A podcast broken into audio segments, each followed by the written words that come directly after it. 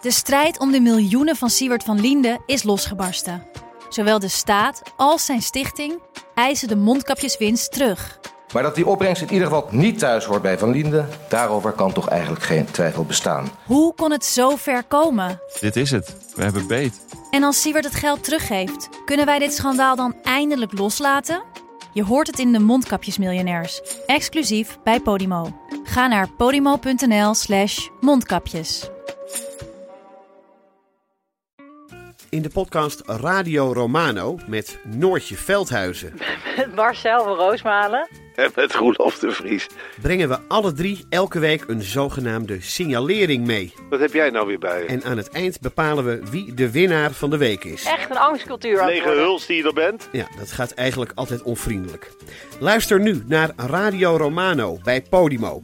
Via podimo.nl slash Radio Romano luister je 30 dagen gratis.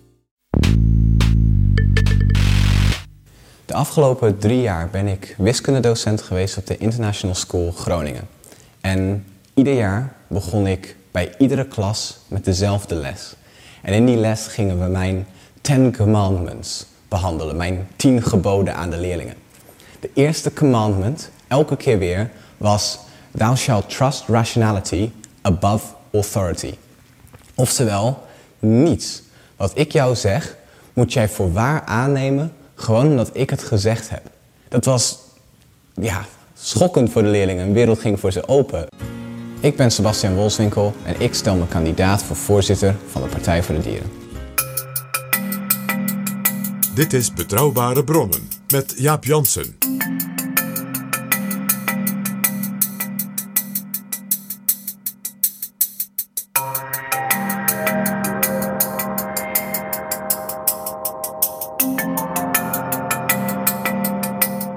Hallo, welkom in Betrouwbare Bronnen, aflevering 56. Ik ga praten met Pieter Gerrit Kroeger.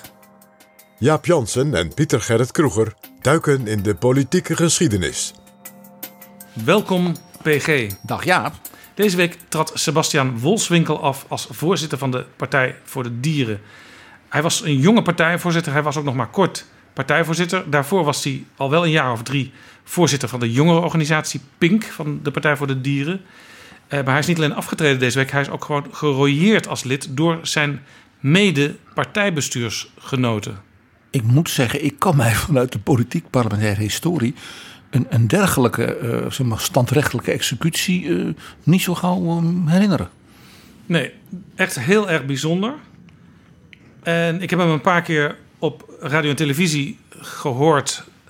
En daar vond ik hem een, een rustige, weloverwogen spreker. Iemand met wie je niet snel ruzie zou kunnen krijgen. Dus ik ben heel erg benieuwd hoe dat achter de schermen is gegaan. Wat me ook opviel was dat Esther Ouwehand, de nieuwe politiek leider van de Partij voor de Dieren als opvolger van Marianne Thieme, eigenlijk in reactie niks wilde zeggen. Eh, want, zei ze, eh, hij kan misschien nog in beroep gaan en dat wil ik niet eh, in de weg lopen. En vervolgens zei ze wel, ik herken mij in het besluit van het partijbestuur. En dat was het.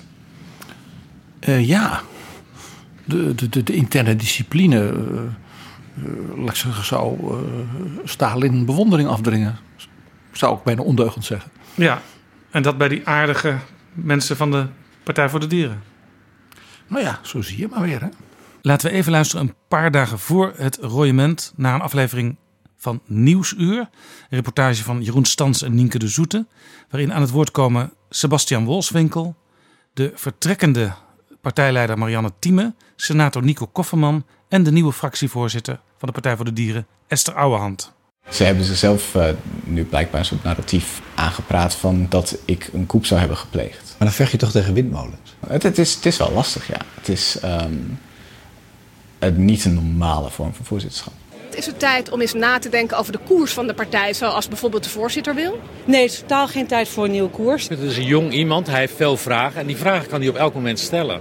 Maar het is niet zo dat een vraag stellen betekent dat er een koerswijziging moet komen. Dat is uh, heel iets anders. Vindt u dat hij de partij schade berokkent? Op dit moment ja. Ook de nieuwe fractievoorzitter Esther Ouwehand is niet blij met de discussie en vindt die schadelijk. Wat je ziet in de, uh, in de media, hè, dat, dat er in de media een discussie komt over de koersen, dat het niet uh, een weerspiegeling is van wat uh, de leden hebben vastgesteld. dat doet de partij geen goed. Ik wil vooral gewoon naar de vereniging kijken. Democratischer, transparanter. Um, ik wil sowieso een punt bereiken dat het niet eens meer gezegd hoeft te worden door de voorzitter van er moet dialoog kunnen komen. Dat dat gewoon voor de hand ligt. Jij wilde het hebben over wetten voor een goede partijvoorzitter. Ja, want net als jij, ik was ook wel toch tamelijk onthutst over deze uh, zo'n vergaande ingreep. Ook argumenten als dat hij de, de, bestuurlijke eh, dingen aan zijn laars lapte en niet wilde, dacht ik, iemand die relatief jong, maar al zo lang, dus in de top van die partij meedraait, wisten ze dat niet? Uh, gebeurde dat al vaker. Nou, kortom, uh, daarbij speelde ook nog dat uh, zeg maar de sterke man achter de schermen, de heer Kofferman. Nico Kofferman, eerste Kamerlid van de Partij voor de Dieren. Niet lang, eerlijk gezegd iets van twee, drie dagen voordat dit gebeurde, zich op de radio buitengewoon neerbuigend en wegwerpend had uitgelaten over die partijvoorzitter. Ja, dat was dus er moet iets gaande zijn geweest. Bij de nieuwsbv van BNN Vara. Laten we even een stukje luisteren, Nico Kofferman. Nou, ik heb helemaal niks gemerkt van ruzie. Ik heb wel gemerkt dat er een paar mensen zijn die afwijkende opvattingen hebben. Uh, en die mensen die, uh, die zeggen, ja, zullen we het eens heel anders gaan doen? Nou, dat kan natuurlijk. In een democratische organisatie kan je heel goed besluiten om het anders te gaan doen. Maar dat gaat altijd via het partijcongres. En er zijn op het congres helemaal geen voorstellen geweest in die sfeer. Dus het zijn gewoon particuliere meningen op dit ja, moment van een paar mensen. Particuliere meningen van een paar mensen. Het gaat Ja. wel om de voorzitter van de club. En dat Ja, is toch niet. een Dat kun je particuliere wel mening. wegzetten. Maar dat is nog best een belangrijke, invloedrijke persoon, zou je zeggen. Dat zou het kunnen zijn. Uh, maar het is een particuliere mening op het moment dat hij afwijkend van het partijbestuur en afwijkend van congresbesluiten zijn eigen ideeën de wereld in uh, instuurt. Dan is dat gewoon een particuliere mening. Niet meer dan dat. Niet meer dan dat. Dus, dus eigenlijk uh, heeft de voorzitter geen rol meer dan. Uh, niet, niet bij het uh, naar buiten brengen van dit soort meningen, want dat is niet de mening van de partij. De mening van de partij wordt bepaald door, de politieke lijn wordt bepaald door de Tweede Kamerfractie. Uh, de verenigingslijn wordt bepaald door het congres. En tussen de congressen door bepaalt het bestuur dat bij meerderheid. Dus, dus de, de partijvoorzitter mag eigenlijk alleen de vergaderingen voorzitten en met de hamer zwaaien? Nee, hij mag, hij mag van alles vinden. Maar dat is een particuliere mening als die afwijkt van de rest van het partijbestuur en van congresbesluiten. Dat was Nico Kofferman, senator van de Partij voor de Dieren. En op de achtergrond heel belangrijk voor het functioneren van die partij. In uh, BNN-Vara's De Nieuws BV. Een paar dagen voordat Sebastian Wolfswinkel als partijvoorzitter werd afgezet en zelfs gerooieerd. Ja, en dat bracht mij tot ja, een historische bijdrage. Uh, zoals we die nu samen dan gaan proberen ja, in dialoog weer eens te doen.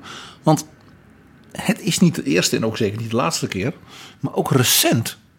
Uh, ja, een van de voorbeelden. Dat er rond partijvoorzitters en de partijtop. En, en de lieden die daarin eigenlijk samen moeten werken. Hè, om er iets moois van te maken. Het zo verschrikkelijk fout gaat. Ja, er is de afgelopen tijd meer uh, vreemd gegaan hè, rondom partijvoorzitters. Ja, de, de SP, de VVD. Maar ook in de partijtop van Forum voor Democratie echt een serie affaires, uh, ook, ook, nederlagen, uh, mensen die weggezet werden. Uh, en ja, als je de politieke geschiedenis bekijkt, want ja, dat doen wij dan natuurlijk samen, dan zie je ook een aantal patronen. En er zijn natuurlijk nog meer voorbeelden uit de historie. Ja, die soms in de geschiedenis van bepaalde partijen zeg, zeg maar, ja, sleutelmomenten zijn geweest. Laat ik zeggen, Jan-Peter Balkenende als partijleider en langjarige premier namens het CDA is natuurlijk ondenkbaar achteraf. Zonder natuurlijk de poging van partijvoorzitter Mannix van Rij om partijaanvoerder Jaap de Hoop Scheffer ja, zeg maar, de, de stot af te snijden. Nou, dat is wel een voorbeeld. Ja, dat was een soort broedermoord in het CDA. Ja, nou, denk eens aan de Partij voor de Arbeid, waar een langjarige voorzitter, Marianne Sint, op een buitengewoon pijnlijke manier op haar fiets in Toscane uh, politiek ten val kwam. Uh, laat ik zeggen, de, de, de, de, heuvels op en neer ging wel, maar in de partij ging ze op haar gezicht. Ja, er waren toen, uh, want dat herinner ik me nog heel goed, Marianne Sint. het was in de tijd voor Paars. De Partij van de Arbeid regeerde met het CDA. Het was het kabinet, kabinet Lubbers-Kok. Ja. Lubbers-Kok.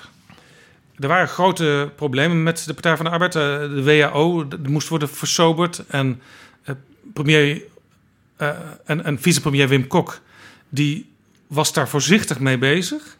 Eh, maar dat viel helemaal niet goed bij de vakbonden en ook niet bij een groot deel van de Partij van de Arbeid achterban. Kiezers die liepen ook weg. Hè. Er waren provinciale verkiezingen en gemeenteraadsverkiezingen die slecht uitpakten. Nou, dat sudderde en dat zeurde maar door. Op een gegeven moment leidde het toch wel tot een crisis in de partij. En daar was iedereen bij, behalve de partijvoorzitter. Want zij was in augustus. eh, zij was in de zomer van 1991 op fietsvakantie in Italië en onbereikbaar. Eh, dus toen ze terugkwam, kon ze aftreden. En dat maakte de weg vrij uiteindelijk voor Felix Rottenberg als eh, nieuwe partijvoorzitter. Nou ja, dat was op dat moment nog helemaal niet eh, bekend. Het leidde vooral tot een grote interne bestuurlijke crisis. En ook een soort identiteitscrisis in de PvdA. Van wat willen we nu nog? En willen we dat kabinet nog wel? En willen we Wim Kok nog wel? Dat, dat was nogal wat hoor. ja, Nou, het gekke was, die Marianne Sint is in het algemeen... heeft ze verder geen slechte loopbaan eh, gehad... en ook niet echt een slechte reputatie. Heeft nog allerlei eh, topfuncties daarna vervuld. Maar dat partijvoorzitterschap, dat ging niet lekker. Ja, nou, van daaruit redenerend, vanuit die ook historische voorbeelden en dus ja, die dingen van het laatste, nou ja, half jaar ongeveer, eh, dacht ik, misschien is het goed om samen hardop na te denken en ook voor de luisteraar om eens langs te lopen. Ik ben dus met tien, zeg maar, ja, essentiële kenmerken, ook met wetten voor hoe een partijvoorzitter eh, eh, eh, functioneren moet. En hoe zo iemand ook zijn rol goed vervult. En dan kunnen we bij elk van die tien zeg maar, ja, wetten, als we de voorbeelden zeggen, oh, en daarom ging het dus bijvoorbeeld bij de Partij voor de Dieren onlangs, hè, de- deze dagen, bij de SP, maar bijvoorbeeld ook bij Marnix van Rij in de top van het CDA, destijds zo mis.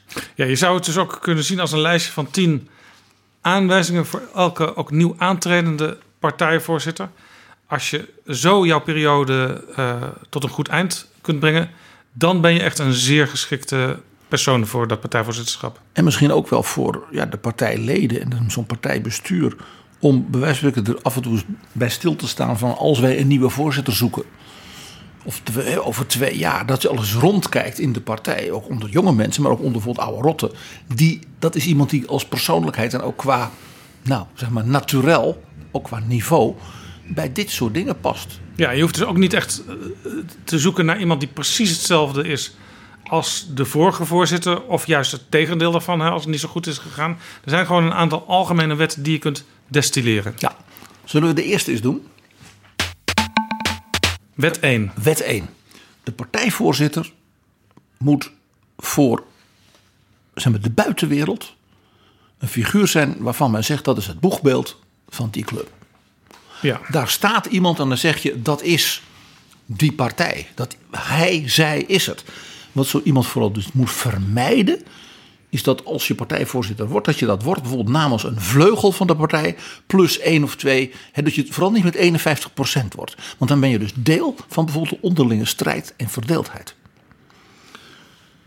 Een voorbeeld daarvan, eh, dat je zegt, ja, daar ging dat dus mis. Eh, we noemen het al even man X van Rij. Die ja, in- zichzelf de aanvoerder maakte van de mensen die van de partijleider af wilden. Eh, en heel dramatisch, Marijke van Hees van de Partij van de Arbeid. Ja, Marijke van Hees, zij was. Zij werd partijvoorzitter in een strijd. In 1999 was dat, dus nu alweer 20 jaar geleden. Je kunt je bijna niet voorstellen. In een strijd met het duo Lennart Boy en Erik van Brugge. Eh, Die dat waren van de jongerenbeweging niet niks. hè? Ja, de vernieuwers. Ja. Eh, dat was allemaal heel spannend en hip. En dat ging zo goed dat eh, de partijtop, bijvoorbeeld eh, Wim Kok, het eigenlijk wel een leuk idee vonden als zij dan de partijvoorzitter eh, zouden worden, samen als duo. Ze werden wel een beetje gemeen de Rottenberg-jugend genoemd. Hè? Ja, klopt. En dat werd ook zo ervaren eh, bij een deel van de achterban, vooral in de, in de regio. Eh, zeg maar de wethouders, de gemeenteraadsleden. Alles buiten Amsterdam. Alles buiten de grachtengordel, waar toen de Partij van de Arbeid ook letterlijk nog eh, op de Herengracht gevestigd was. En Marijke van Hees, zij werd later nog wethouder in Enschede en zij kwam ook uit dat lokaal bestuur. Die werd in plaats van die twee jongens gekozen tot voorzitter. En dus dat, was een op die manier. En dat was een grote verrassing toen dat op die avond bekendgemaakt werd van, na de stemming onder de leden. Want er was een soort gevoel van dat die twee, want die waren in alle praatprogramma's en, eh, ja, en hadden vlotte leuke verhalen. En het idee was nou dat die halen dat moeiteloos. En eh, dat was een schok. Ja, ik zat ongeveer naast Boy en Van Brugge toen in die congresruimte. En ik kan je vertellen, er werden tranen geplengd. Ja, ik kan me dat herinneren. Uh, en wat gebeurde er? Marijke van Hees werd dus beschouwd op, zeg maar, in die Amsterdamse binnenwereld van de Partij van de Arbeid als dus de vertegenwoordiger van de conservatieve, mag ik het zeggen, achterlijke rurale vijand. Ja. En binnen een jaar verscheen er in Vrij Nederland een artikel, en dat was onmiskenbaar, ook vanuit die niet-niks wereld, geïnspireerd over haar declaratiegedrag en dergelijke. Ja, er, er waren natuurlijk rechtstreekse banden binnen die grachtgordel tussen niet niks en een blad als Vrij Nederland.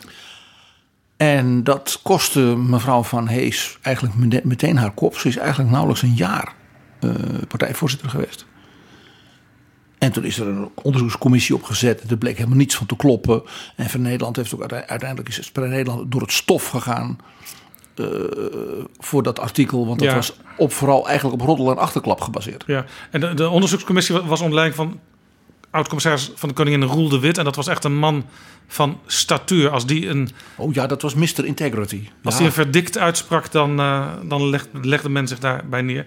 Het is dus wel heel tragisch. Zij, zij was dus afgetreden in een sfeer van verdachtmakingen die achteraf onterecht bleken. En hier zie je dus hè, wet 1. Ze was dus de partijvoorzitter namens een vleugel, een stuk van de partij, die dan net een meerderheid had gehaald. En zij was dus niet meer in geslaagd om de hele partij als boegbeeld om zich heen te verzamelen. En nou ja, dan. dan, dan, dan- dus, tragisch. Ja. Dus, dus bij, als, als je als partij dus een nieuwe voorzitter zoekt, kijk altijd naar wat ik maar noem het type boegbeeld. En als er dus een strijd is rondom dat voorzitterschap, dan kan het soms beter zijn om bijvoorbeeld de, het wat anders te organiseren dan de Partij van de Arbeid op dat moment toen deed. Ja, goede Wet les. 2, wet 2. De voorzitter moet ook een persoon zijn. Ik ga het maar een beetje bijbels zeggen, dat zul je me vergeven. Het moet iemand zijn die de nieren proeven kan van de partij. Iemand die als hij een partijvergadering toespreekt, als hij op bezoek komt bij een afdeling waar bijvoorbeeld problemen zijn, of waar de, het jubileum is van de provinciale afdeling, die bestaat 100 jaar, dat de mensen zeggen dat is onze voorzitter. Iemand die dus die partij snapt, die de codes, de taal, de gevoeligheden aanvoelt, eh, die ook een beetje als tolk van de gedachten van maar ook de tradities, de achterban, waar men zich thuis bij voelt. Ja, en ook als hij of zij kritische opmerkingen maakt over bepaalde ontwikkelingen binnen de eigen club, dat dat ook geaccepteerd wordt, omdat het helemaal past binnen de context van de cultuur van die partij. Dat het altijd wordt beschouwd als opbouwende kritiek. Precies. Hè? En dus hoe iemand is herkenbaar. En dat, ja, en, en, en, dus dat heeft te maken met het vorige punt van iemand die als boegbeeld functioneert. Dat is ook vaak naar buiten toe. Dit is meer ook naar binnen toe. Dus dat ze zeggen, wij herkennen ons in die vrouw en die man. Ja. ja, er zijn nu op dit moment een aantal partijvoorzitters die op radio en televisie niet zo bekend zijn, maar wel in zo'n partij een hele belangrijke sleutelrol vervullen. En dat kan dus ook wel eens heel erg misgaan. En een voorbeeld daarvan hebben we onlangs gehad. Dat was Ron Meijer bij de SP. Want Ron Meijer was vooral de kandidaat van, ik zal maar zeggen, de machthebbers. En was degene die dus naar voren was geschoven om Sharon Gesthuizen, die vanuit de achterban heel sterk ja, werd gesteund. eh, en zelfs zeker voor die partij verrassend veel ondersteuning kreeg van onderop. eh, die moest worden afgestopt. Ja, Ron Meijer was de favoriete kandidaat van oervader van alles wat er in de SP gebeurt, Jan Marijnissen. En hij was ook hele goede maatjes met Lilian Marijnissen, de dochter van Jan, die toen nog zeg maar, in de coulissen stond om uiteindelijk de partij te gaan leiden. Maar het was een soort dynastieke kandidaat. En Sharon Gesthuizen was een, een jonge vrouw. Heel actief in de Tweede Kamer. Deed allemaal heel leuke, on- eh, leuke onderwerpen. Verzonnen creatieve acties. Met, eh, wat was het, postbodes die het slecht gingen en zo. En dus die sprak enorm aan. eh, zeg maar, in die achterban. En je zag dus dat toen het dus misging met de SP. Met de, eh, een regel, regelmaat van verkiezingen, de Kamer, daarna de uh, Provinciale Staten heel slecht. En voor ons bij de Europese verkiezingen hielden ze geen zetel meer over. Dat toen ineens, dus het idee van deze man is voor ons de herkenbare figuur naar binnen, dat die dat dus helemaal niet was. Want toen werd er een commissie benoemd en daar ging je dan zelf in zitten. En Lili Marijn voor kritische reflectie. Dat werd een drama. En toen heeft hij dus gewoon ja, zelf gezegd, nou, ga maar weg. Want ik, ik, ik ben niet meer de man die voor die partij, als het ware ook intern, de figuur is die in moeilijke tijden de zaak bij elkaar houdt. Ja, en de verdeeldheid was echt bijzonder voor de SP. Want normaal wordt daar iemand met 80, 90 procent of meer gekozen. En hij kreeg 59 procent van de stemmen, een ruime meerderheid natuurlijk. Maar Sharon Gesthuizen kreeg de rest. En dat was toen wel opvallend. Er schiet mij ineens te binnen. We hadden, we noemden, ik noemde net de naam Felix Rottenberg. Uh, die was heel populair ook weer in de grachtengordel. Maar die merkte dat in de regio er ook grote twijfels over hem waren. En die heeft toen een hele slimme zet gedaan. Want uh, er was iemand die zich ook uh, warm liep om het voorzitterschap op zich te gaan nemen. Die heette Ruud Vreeman. En Rottenberg heeft hem uitgenodigd. Zullen we niet samen als duo verder gaan? En zo zijn ze uiteindelijk gekozen. En hebben ze ook redelijk goed gefunctioneerd samen. Ja, ik zeg er meteen iets ironisch bij. Er zijn daarna nooit meer van zulke duo's geweest. maar je ziet dus, dat was inderdaad een slimme tactische move om de macht. Ja, dat had niet veel te maken met inhoud. Nee, maar wel ook om dit soort uh, resultaten te voorkomen. Hè, dat het later alsnog misloopt. Ja, maar ik vond dus zeg maar, die weerdegang van Ron Meijer... waarvan iedereen dacht, nou, dat is de nieuwe machthebber... die gaat daar hè, met de knoet in die partij zoals ze gewend zijn in de SP. Uh, nee, dus dat mislukte omdat dus hij dus die binnenkant van gedragen zijn, wet 2. Hè, dat mensen zeggen dat iemand die de nieren proeft. Hij was, zo werd hij niet meer gezien. Opmerkelijk. Ja, en ook wel ook een uiting wat allemaal gebeurde rond Ron Meijer van het gebrek aan checks en balances in de SP. Want als er een filmpje gemaakt werd over Hans Brusselmans, soort Frans Timmermans, maar niet helemaal, dan werd dat niet getest of dat wel breed zou aanspreken. Dat werd gewoon meteen in de zendheid van politieke partijen vertoond. En dat was zo'n voorbeeld dus van de nieren niet goed geproefd. Exact, ja. Mooi voorbeeld. Ja. Wet nummer drie. De voorzitter is iemand die moet begrijpen dat haar, zijn rol is dat hij politiek dienend is. Hij is de president hij is, ook de, hij is eigenlijk de minister in de oude Latijnse zin van het woord. De dienaar. Ook in de zin van de partij waar hij de voorzitter van is. Uh, verder brengen in de vaart der volken. En ook duurzaam uh, een, een goede en democratische partij te laten zijn. En dus ook dienend aan zowel de achterban, de leden. Wat kunnen we samen bereiken? Hoe kan ik daarbij helpen? En ook dienend dus aan nou zeg maar, de professionele politici.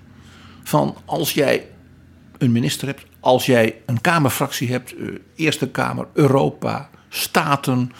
Uh, dat je zegt van hoe kan ik ervoor zorgen als partijvoorzitter dat die mensen tot bloei komen. Dat je ze daarin ondersteunt. Maar je bent niet een loopjongen.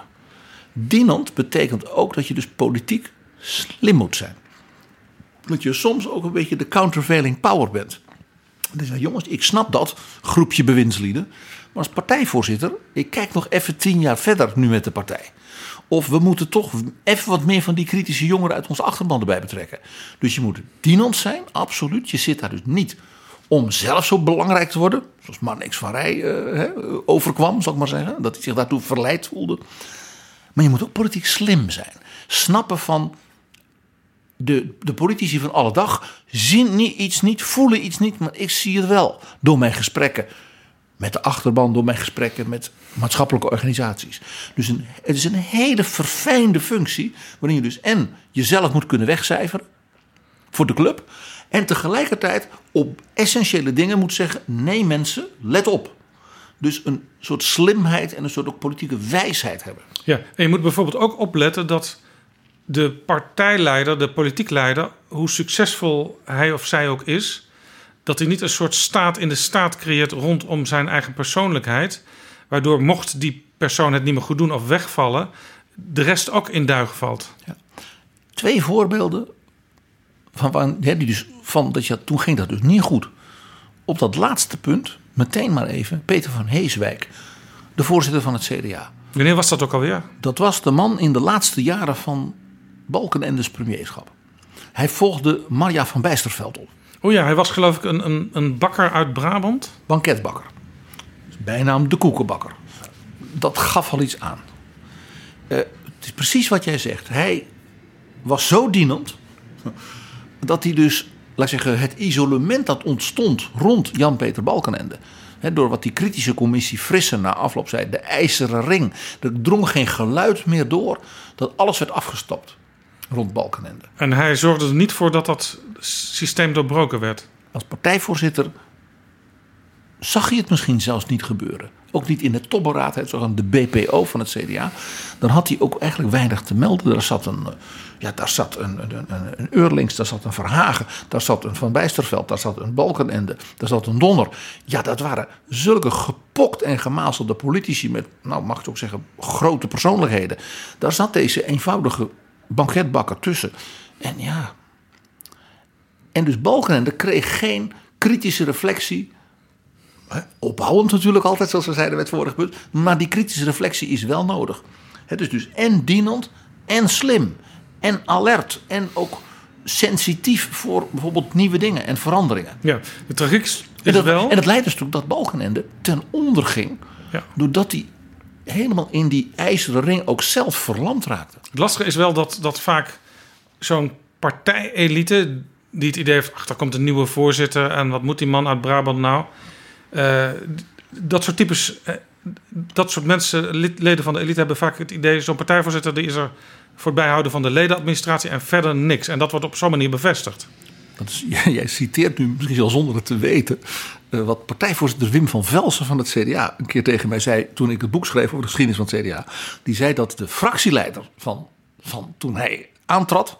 als partijvoorzitter, dat was in 1986. Dat was al lang zittende, zeer ervaren Bert de Vries. En die zei: Wim, jij zorgt voor de ledenadministratie, ik doe het beleid. Ja, precies. En dat was voor hem, hij was een topmanager uit de onderwijswereld. Ja. Dat was een jonge, jonge vent die een enorme loopbaan had gemaakt. En die vertelde dat dus met enige ironie. Uh, in de zin van, dit was dus een ingesleten manier van denken. Waar hij dus als nieuwe jonge partijvoorzitter zich doorheen moest vechten. En dat ging hij ook doen op zijn manier. En, uh, maar dat is dus een heel, wat jij zegt, is een heel herkenbaar iets. Waarbij dus de, de, de partijtop zegt van nou, dat politiek dienend, dat is met een hoofdletter P en een hoofdletter D. Ja. Uh, dat politiek slim en strategisch, nou, dat doen wij wel. Zo'n partijvoorzitter die zit vaak een aantal kilometer verderop in een partijbureau. En ja, die zien elkaar misschien één, twee keer uh, per week soms. Maar daar is gewoon een mentale afstand. En, en, die, en, de partijvoorzitter reist door het land en komt drie, vier avonden per week. Uh, laat ik zeggen, bij de afdeling Baren, de afdeling Tietjerk-Stradel, de afdeling Valkenburg aan de Geul en Middelburg. En bij alle waardering dus voor de professionele politici in Den Haag, die ook natuurlijk het land ingaan, zeker, maar dat is vaak binnen hun sector. Ja, en vaak is het dus zo dat zo'n partijvoorzitter nog eerder dan een gemiddeld Kamerlid of een minister voelen wat de mood of the nation is, wat het gevoel in het land is. Ja, nou, een tweede voorbeeld dat je zegt van dat dus die goede balans van dienend en slim. We hadden het al even over Marianne Sint. Die dus als zeg maar, politiek manager, zou je bijna kunnen zeggen, in die rol als partijvoorzitter hooglijk gewaardeerd werd.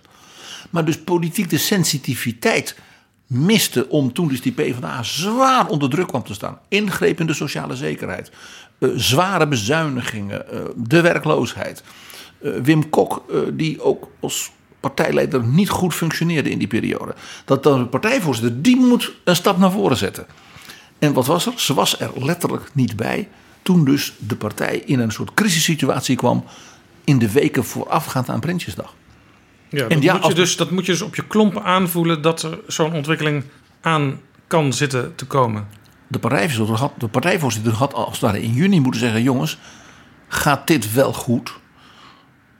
Uh, ik ga eens even met een paar mensen een aantal gesprekken voeren. En we gaan eens een keer een zaterdagmiddag zitten en elkaar de waarheid zeggen.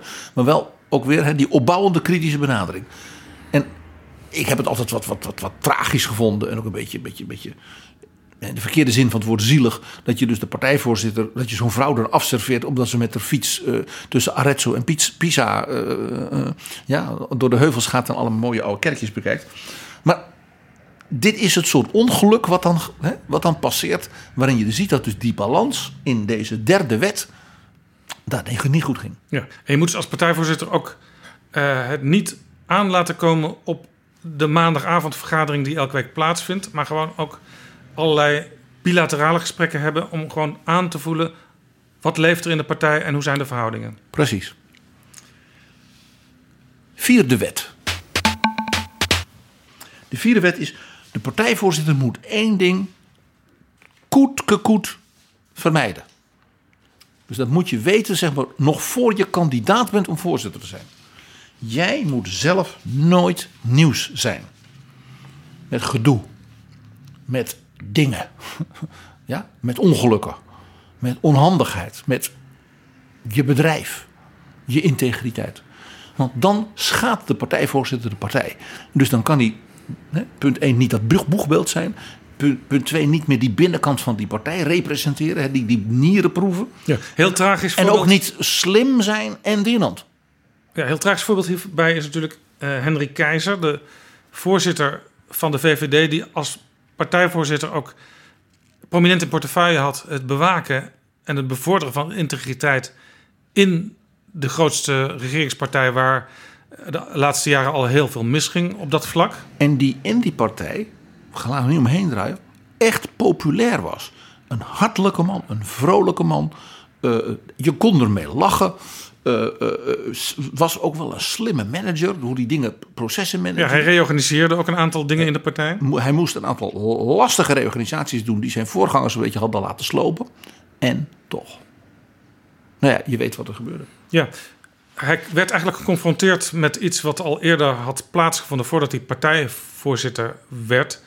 Hij was directeur van een crematorium, een, een organisatie van crematoria. En dat was een, een, een vereniging.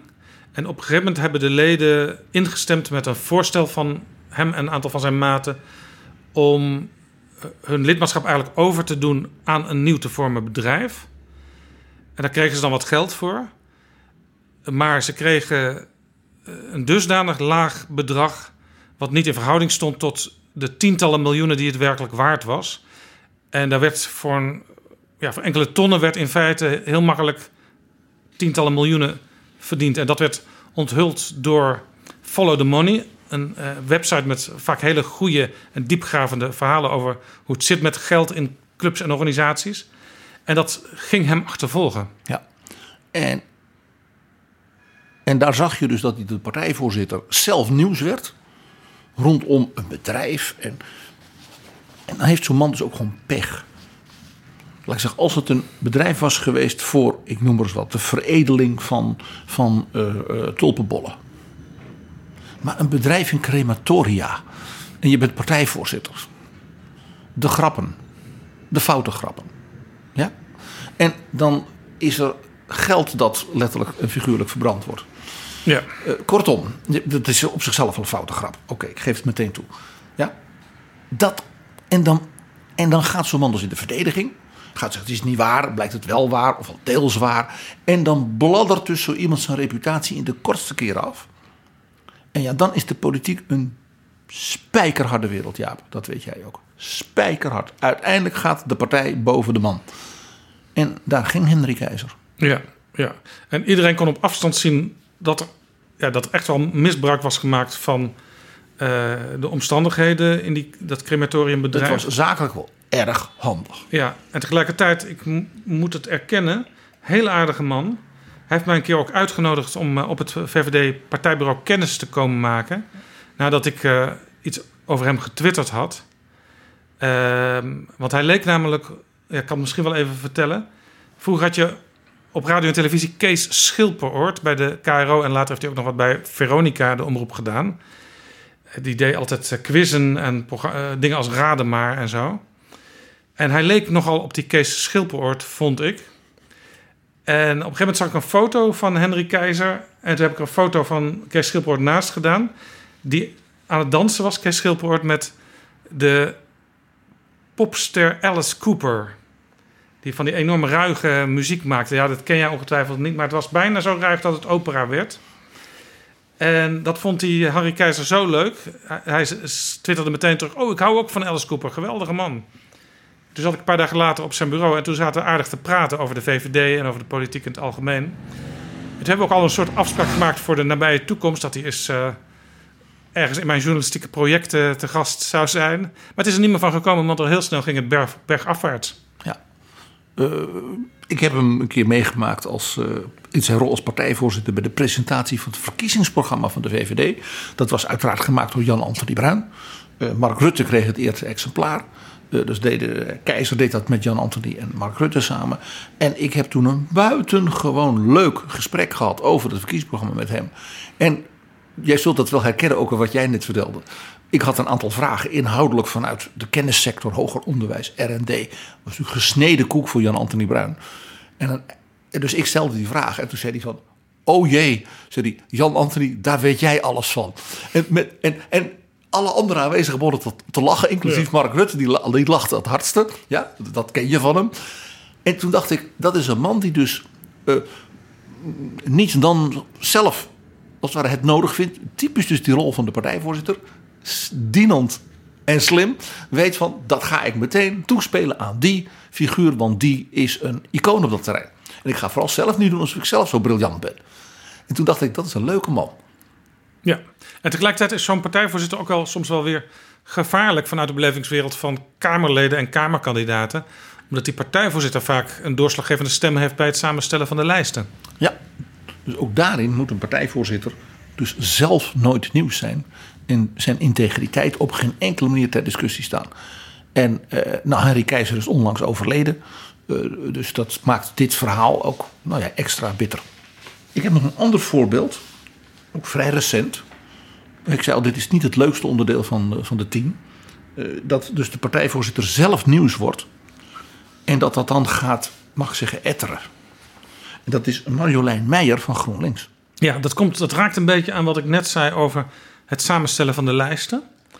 Uh, want op een bepaald moment werd door een journalist ontdekt, en dat werd ook voorgelegd vervolgens aan mensen uit de Tweede Kamerfractie van GroenLinks, dat er sprake bleek van een liefdesrelatie tussen de partijvoorzitter en een Kamerlid. Dat was het Kamerlid, toenmalig Kamerlid Rick Grashoff.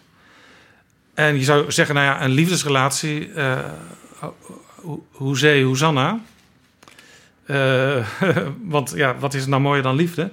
Maar zo'n partijvoorzitter bij GroenLinks gaat ook over de lijsten. En Rick Grashoff stond op een lijst en stond waarschijnlijk daarna weer een keer op een lijst.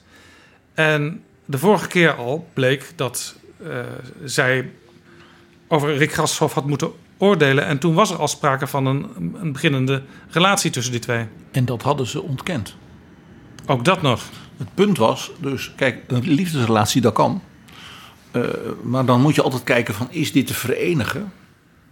Maar als dan achteraf blijkt, ja, maar dit speelde al veel langer, ook al bij een kandidaatstellingsprocedure. Het punt van, je wordt ineens zelf het nieuws. Het gaat ineens over jou als partijvoorzitter en of jij wel fatsoenlijk opereert. En dat, is het, dat moet je dus nooit hebben. Dat moet je voorkomen. Ja. ja, ik weet ook gewoon uit bedrijven waar ik gewerkt heb. Als daar relaties ontstonden, dan werd dat altijd wel besproken en voorgelegd aan de chef van hoe moeten we hiermee omgaan en kunnen we dit handelen of is het beter als een van de twee misschien in een andere afdeling van de organisatie gaat werken? Ja, het heeft onlangs uh, ook was ook zo'n buitengewoon langdurig verhaal uh, binnen het OM. Dat mensen op een vergelijkbare manier zeiden: nee, niks aan de hand. Maar ja, toch er geruchten bleven gaan dat ze elkaars carrière aan het bevorderen waren. Toen was er wel wat aan de hand. Nou, kortom, wordt dus zelf nooit het nieuws. Dat is eigenlijk de kern hier. Goeie les. Les 5. Les 5. Wet 5. Ja. Oeh, dat is, dat is er ook een. Daar, daar zijn voorbeelden van. Uh, ook van hoe het goed gaat, maar ook zeker hoe het niet goed gaat. Een voorzitter moet iemand zijn waarvan niet het gevoel ontstaat, die is toch vooral uit op zijn eigen loopbaan. Op het gaat niet om de tent, maar om de vent. Zoals Jeroen van der Veer altijd zo prachtig zegt van Shell. heeft ooit een keer tegen mij gezegd voor een boek wat ik schreef. Als ik beslis over iemand, een topmanager uit de hele wereld. Hij zegt, die hebben een cv, ze zijn gepromoveerd, ze hebben bijvoorbeeld al gewerkt voor Shell. Dan denk ik, die vrouw, wauw. Ja? Hm. Hij zegt, nou, uiteindelijk, ik beslis op, uiteindelijk op één ding. Kwaliteit, ja, ja, ja, ja. Collegialiteit, tuurlijk. Want dat staat buiten kijf, anders waren ze niet doorgedrongen tot die hoogte. Hij zegt uiteindelijk, ik voer een gesprek. Ik praat ook met andere mensen. Hij zegt, ik, één ding. Dat ik het gevoel heb, gaat het bij haar of bij hem nou om de vent of om de tent? En dat is dus prachtig. Hè? Dat is ook heel Hollands. Echt zo'n Hollandse CEO van zo'n bedrijf die op zo'n zo'n heel Hollandse manier van formuleren. En dat is het. Gaat het die voorzitter nou om zijn eigen mediaprofiel? Hè, om het maar zo te zeggen. Om zijn eigen, van nou ja, ik ben nu partijvoorzitter, maar ik wil dan toch wel over drie jaar minister zijn. Of, eh, hè. of is hij dat element wat we hiervoor hadden, dat dienend en slim? Ja. Waar ligt de prioriteit? En dat is soms heel intuïtief, bijna impliciet. Ja, Eh, ja daar heb je een soort emotionele sensitiviteit bij nodig. Vandaar dus dat Jeroen van der Veer zei en al die argumenten. En dan uiteindelijk dan zit ik van, dat is een, eigenlijk een hele diepe gevoelskwestie. En dat bij zo'n harde uh, oliebaas, E- zeggen. Even een vraag tussendoor. Alexander Pechtold was partijvoorzitter van D66. Minister Tom de Graaf trad af. De vraag werd gesteld binnen D66: wie moet Tom de Graaf opvolgen? Even later was de partijvoorzitter de nieuwe minister. Is dat goed? Eh, nou, je hoort me eh, eh, aarzelen. Uiteindelijk heeft het een termijn later die partij wel geholpen, want ze kregen een lijsttrekker die steeds meer zetels wist te verwerven. Maar de eerste keer eh, als lijsttrekker. Nee, maar dat was ook een half, binnen een half jaar al. Hè? Ja, maar toch. Ik, vind, ik, ik vind het dus een hele lastige. Zelfs als het absoluut niet het geval was bij Alexander Pechtold. Hier, gel- hier geldt dus het, wat vorige punt een beetje. Vermijd ook de schijn des kwaads. Ja, want het gekke hier ook was dat eh, uiteindelijk er was heel veel eh, weerstand in die partij om eh, door te blijven regeren met V- VVD en met CDA en VVD. Bal, onder Balkenende was dat. Dat er een speciaal spoedcongres moest worden georganiseerd. Het co- congreshal in Den Haag zat, zat afgeladen vol. En toen was al duidelijk op dat moment dat Alexander Pechtold de nieuwe minister zou worden. Terwijl die daar eigenlijk nog. Die vergadering voor zat. Ja, er was wel net even een interim tussengeschoven. Ik dacht dat dat Jan Hoekema was, maar het was een rare toestand. Nou, hi- hier geldt dus een beetje, is eigenlijk een soort variant van, het is maar 4a, ja? vermijd ook de schijn des kwaads. Hij, hij deed niet wat Mannix van Rij deed. Die is, als, het, als je kijkt naar hoe het fout kan gaan bij deze vijfde wet, wel een, een heel sterk voorbeeld. Maar vermijd ook dat mensen dat gaan zeggen achteraf. Ja, en uiteindelijk is ook D66 er beter van geworden, maar het had ook, het had ook anders kunnen lopen. En het was een rare situatie. Ja, maar die rare situatie was wel zo dat ze geloof ik drie zetels overhielden eh, in de Kamer. Dus je kon niet toen al zeggen, oh maar Pechtold wordt later een man die wel 19 Nee, maar daarna kregen ze er 10 en 12 en 19. Daarom. Maar dat kon je op dat moment niet weten. Voorbeeld van iemand waarvan je zegt van... Ja, is die nou bezig met de club? Hè? Met de vent of met de tent? Eh, nou, Marnix van Rij noemden we al. Kijk, als je eh, binnen anderhalf jaar na je aantreden als partijvoorzitter denkt... kom, hoe zal ik de partijleider die binnenkort lijsttrekker moet worden... eens even afzetten. Dan, dan, nou ja, dat was mm, een heel pijnlijk voorbeeld van, eh, van hiervan. Maar ook Felix Rottenberg heeft daar eigenlijk permanent last van gehad. Er werd voortdurend gedacht, die is zo mediamiek, zo, ja, zo'n soort discussie-intellectueel uit- in het Amsterdamse wereldje. En hij treedt op en hier en daar en schrijft opiniestukken. En hij had een hele soort, soort dat was toen heel hip, een soort fax-nieuwsbrief waarin hij ook met nieuw niet niks van alles deed. Is Felix nou met de Partij van de Arbeid bezig? Of is hij met dat Felix nog weer een column kan doen in een leuk hip blad volgende week? Ja, hij was heel eigenzinnig, daardoor ook wel geliefd bij journalisten in de zin van bel Felix en er komt een tekst. Het probleem was alleen dat zijn medeleden van het partijbestuur en eh, zeker ook mensen in de Tweede Kamerfractie En de bewindslieden. nogal eens schrokken van wat hij daar plotseling eh, in de microfoon zei. Want dat was niet van tevoren doorgesproken en soms een heel ander standpunt dan de partij traditioneel had op dat front. Ik kan mij nog herinneren dat hij een keer over minister Jo Ritsen van Onderwijs echt de meest vreselijke dingen zei. In de zin van eh, het enige wat die man interesseert is knoeien in zijn eigen begroting, maar een visie of beleid heeft hij niet. Nog even los van de vraag of het waar is. Uh, ja, als je al partijvoorzitter bent, dan moet je natuurlijk in een column. Uh, uh, of bij een, een, een Barend en van Dorp-achtige, Jinek-achtig programma, dat niet zomaar roepen. En hij heeft ook een keer hele negatieve dingen gezegd over fractievoorzitter Thijs Wultgens. Er was toen een bijeenkomst, ik geloof in Utrecht, gepland waar ze elkaar zouden zien. En toen is Wultgens, die dat op de radio hoorde, uh, rechtsomkeerd terug naar Den Haag gegaan. Noemde hem niet een luie Limburger? Precies. Nou, één ding. Maar ik mag het wel even opnemen voor Thijs Wultgens. Hè. Dat was een gouden man. Het was een zuiderling in hart en nieren. Maar lui was hij allerminst. De onderwerpen waar hij voor knokte in de Kamer en ook binnen de partij. Dan, dan stond er ook iemand. Dat deed hij met bonhomie. Ja, maar dus niet zeg maar, een zure rode type, om het onaardig te zeggen. Maar dit was dus uh, geen goed moment van de partijvoorzitter. En de partijvoorzitter die dus de indruk wekt. Dus vooral bezig zijn met zijn eigen mediasuccesjes. Dat gaat niet goed. Nou, uh, Rottenberg is daarna heel erg ziek geworden. En heeft dus toen afscheid moeten nemen als partijvoorzitter. Maar dit was een element waardoor zijn voorzitterschap geen succes werd. En hij eigenlijk nooit meer een echte politieke functie daarna heeft gekregen. Nee. Wet 6. Ja, oeh. Naarmate ze eh, vorderen, zal ik maar zeggen, hoor je mij reageren van, oeh ja, ja, dat is ook wel een hele zware. Eh, wat moet een partijvoorzitter nou eigenlijk doen in die partij? We hebben nu dingen gehad over zijn opereren, je functioneren, je rol. Maar wat is die rol dan? De partijvoorzitter die moet regisseren en agenderen. Dus die moet zorgen dat binnen die partij de leden, de afdelingen, de prominenten, ook de voormalige prominenten, de mastodonten, hè, zoals men wel eens noemt, de jongeren, de vrouwen, de bestuurders, de bewindslieden, dat die met elkaar op een soepele manier omgaan. En dat die ook allemaal het gevoel hebben dat ze erbij horen. Juist, en dat de neuzen een beetje dezelfde richting op gaan, zonder dat je kadaverdiscipline hebt. Dat er geen discussie kan zijn. Denk aan Gerry van der List onlangs over de VVD. Ja, alles staat in het teken van het leiderschap van Mark Rutte. Van een discussiepartij is geen sprake meer, zei Van der List in Betrouwbare Bronnen. Dat Mark Rutte het misschien wel hartstikke leuk vindt.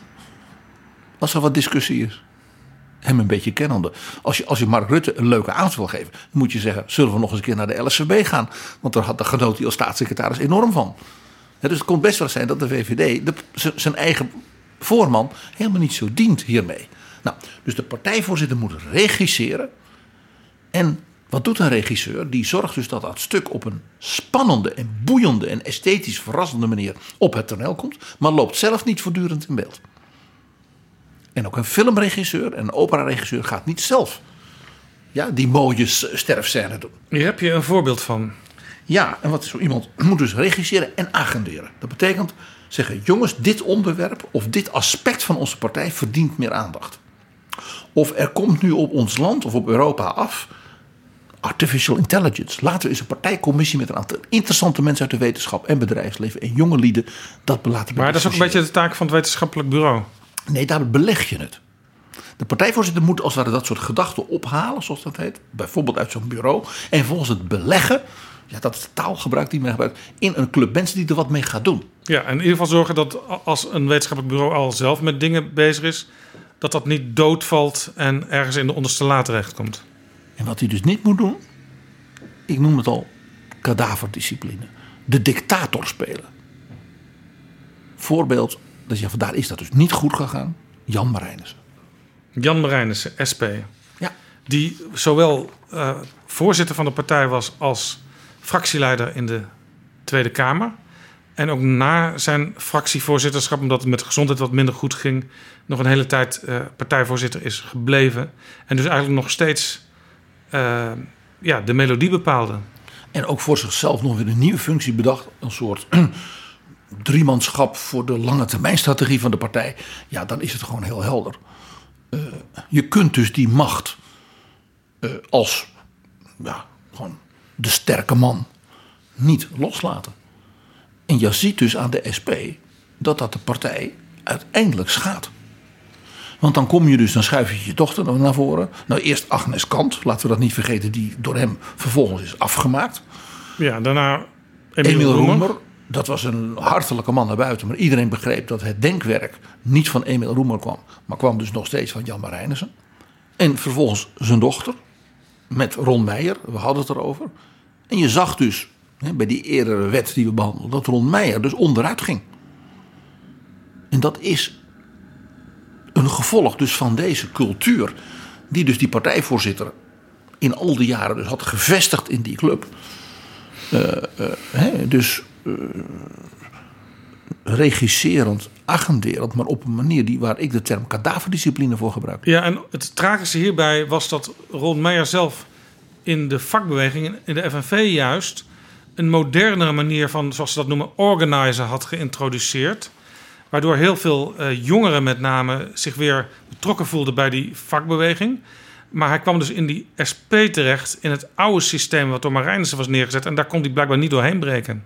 Nou ja, hij was onderdeel van die cultuur in die partij.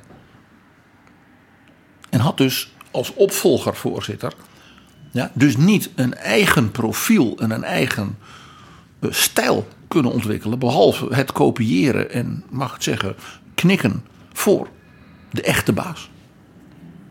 Dus uiteindelijk heeft Marijnissen, is mijn analyse, door dus die kadaverdiscipline benadering, zijn partij niet geholpen. Dus daar is zeg, dit, dit is dus een manier van doen die uiteindelijk, en daar is dit een voorbeeld van, een partij ernstig schaadt. Ja. Wet 7. Ja, je moet als partijvoorzitter ehm, een goed gevoel hebben van waar zit mijn macht. Want die macht is, dat is een formele macht. Je bent gekozen en je hebt dus bevoegdheden. Hè, je mag dit doen en je mag dat doen. En je, je, je roept de vergaderingen bijeen. Dus dat agenderende. Sterk onderschat vaak. Als machtsfactor. Jij bepaalt wanneer we wat, hoe. Met bijvoorbeeld een, memorandum of een, een, een studie van die gaan bespreken. Ja, en of het partijcongres in Amsterdam plaatsvindt of in Maastricht. En of je een van jouw buitenlandse collega's daar een hoofdrol laat geven. Of dat je zegt, nee, nee, nee, we gaan alleen maar de, we gaan dus de vertegenwoordigers van de protesterende boeren laten optreden. Ja, agenderen is een enorme machtsfactor. Dus je moet snappen waar je macht zit. En die macht van de partijvoorzitter berust, als het goed is, hè, op twee dingen. Op de wortels van zo iemand in die partij. Waar we het eerder over hadden. Dat boegbeeld zijn en ook die, die nierenproeven. Dat, dat je geworteld bent in die partij. Dat je ook weet, ik kan af en toe eens een keer een risico nemen. Omdat die mensen zeggen, ja, dat is wel lastig wat hij nou doet. Hè? Opbouwende kritiek. Maar toch maar even dat punt goed eh, oppakken, want hij zegt het niet voor niks. Ja, en dat je ook kunt teruggrijpen, bij wijze van spreken, op kennis die je tien jaar eerder al in die partij hebt opgedaan. Toen, je, toen er nog lang geen sprake was van jouw voorzitterschap. Dus van je netwerk, je wortels diep in die partij. En in de omgeving van de partij, bijvoorbeeld bij de mastodonten, bijvoorbeeld bij de denktanks van zo'n partij, bijvoorbeeld bij het maatschappelijk middenveld dat zich met die partij graag associeert. Maar er is nog een tweede punt.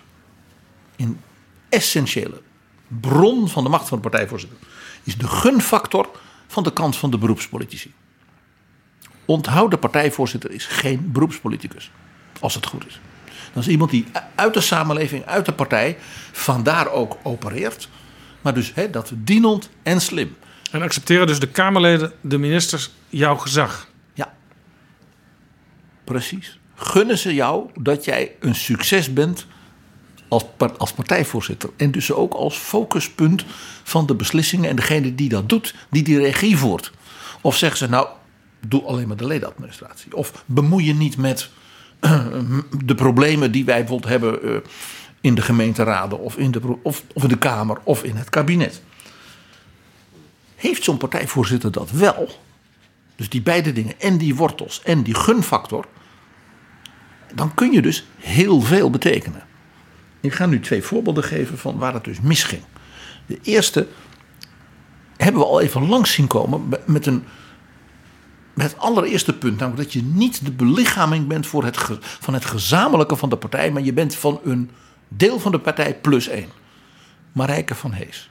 Ja, die we al eerder noemden enkele keren. Die had dus die gunfactor niet. Dat partijbureau en die partijelite van de PvdA in Amsterdam, die vonden, nou ja, ons clubje jonge hondenkandidaten, die verloren dat smadelijk. En nou zit die mevrouw daar en toen gingen er geruchten over haar declaraties. En ja, en daar ging ze. Het ontbrak haar en de gunfactor. En zij had waarschijnlijk het gevoel, ik ben zo geworteld in die partij, dat is genoeg voor mijn macht. Antwoord is nee. En bij wijze van spreken, je krijgt geen uitnodiging om de wekelijkse Tweede Kamerfractievergadering bij te wonen, terwijl dat wel gebruik is in jouw partij. Of je bent niet bij informele bijeenkomsten die van belang zijn, waar mensen eens met elkaar praten. Dat ze zeggen van, ja, nee, maar ze zitten in Enschede. ja, Ja, ja, ja, ja, zo gaan die dingen. Een tweede voorbeeld van een wat andere aard is het grote gevaar van partijen die zulke wortels niet hebben. Dat daar de partijvoorzitter als een soort, nou ja, aan de ene kant als een soort Jan Marijnissen, als een soort kadaverdiscipline dictator opereert. Ja, wat we bijvoorbeeld ook zien bij de partij die maar één lid heeft, de PVV, Geert Wilders. Ja. En het Forum voor Democratie, waar Thierry Baudet de voorzitter is en de grote leider. Daar heb ik een wat andere analyse. Die komt bij een volgende wet aan de orde. Nee, ik zat te denken aan de LPF. Wat je daar zag, dat dus de, De lijst Pim Fortuyn 2002. de partijvoorzitter daarvan.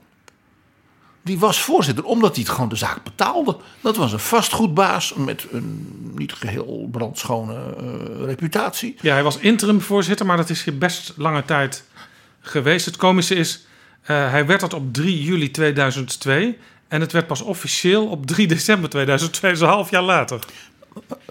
Ja, dit is precies wat ik bedoel. Dus die, dat waren, die was dus niet geworteld in zeg maar, het, zeg maar, de, de, de humuslaag. Ja, de, de, de, de, eh, de basis van die partij.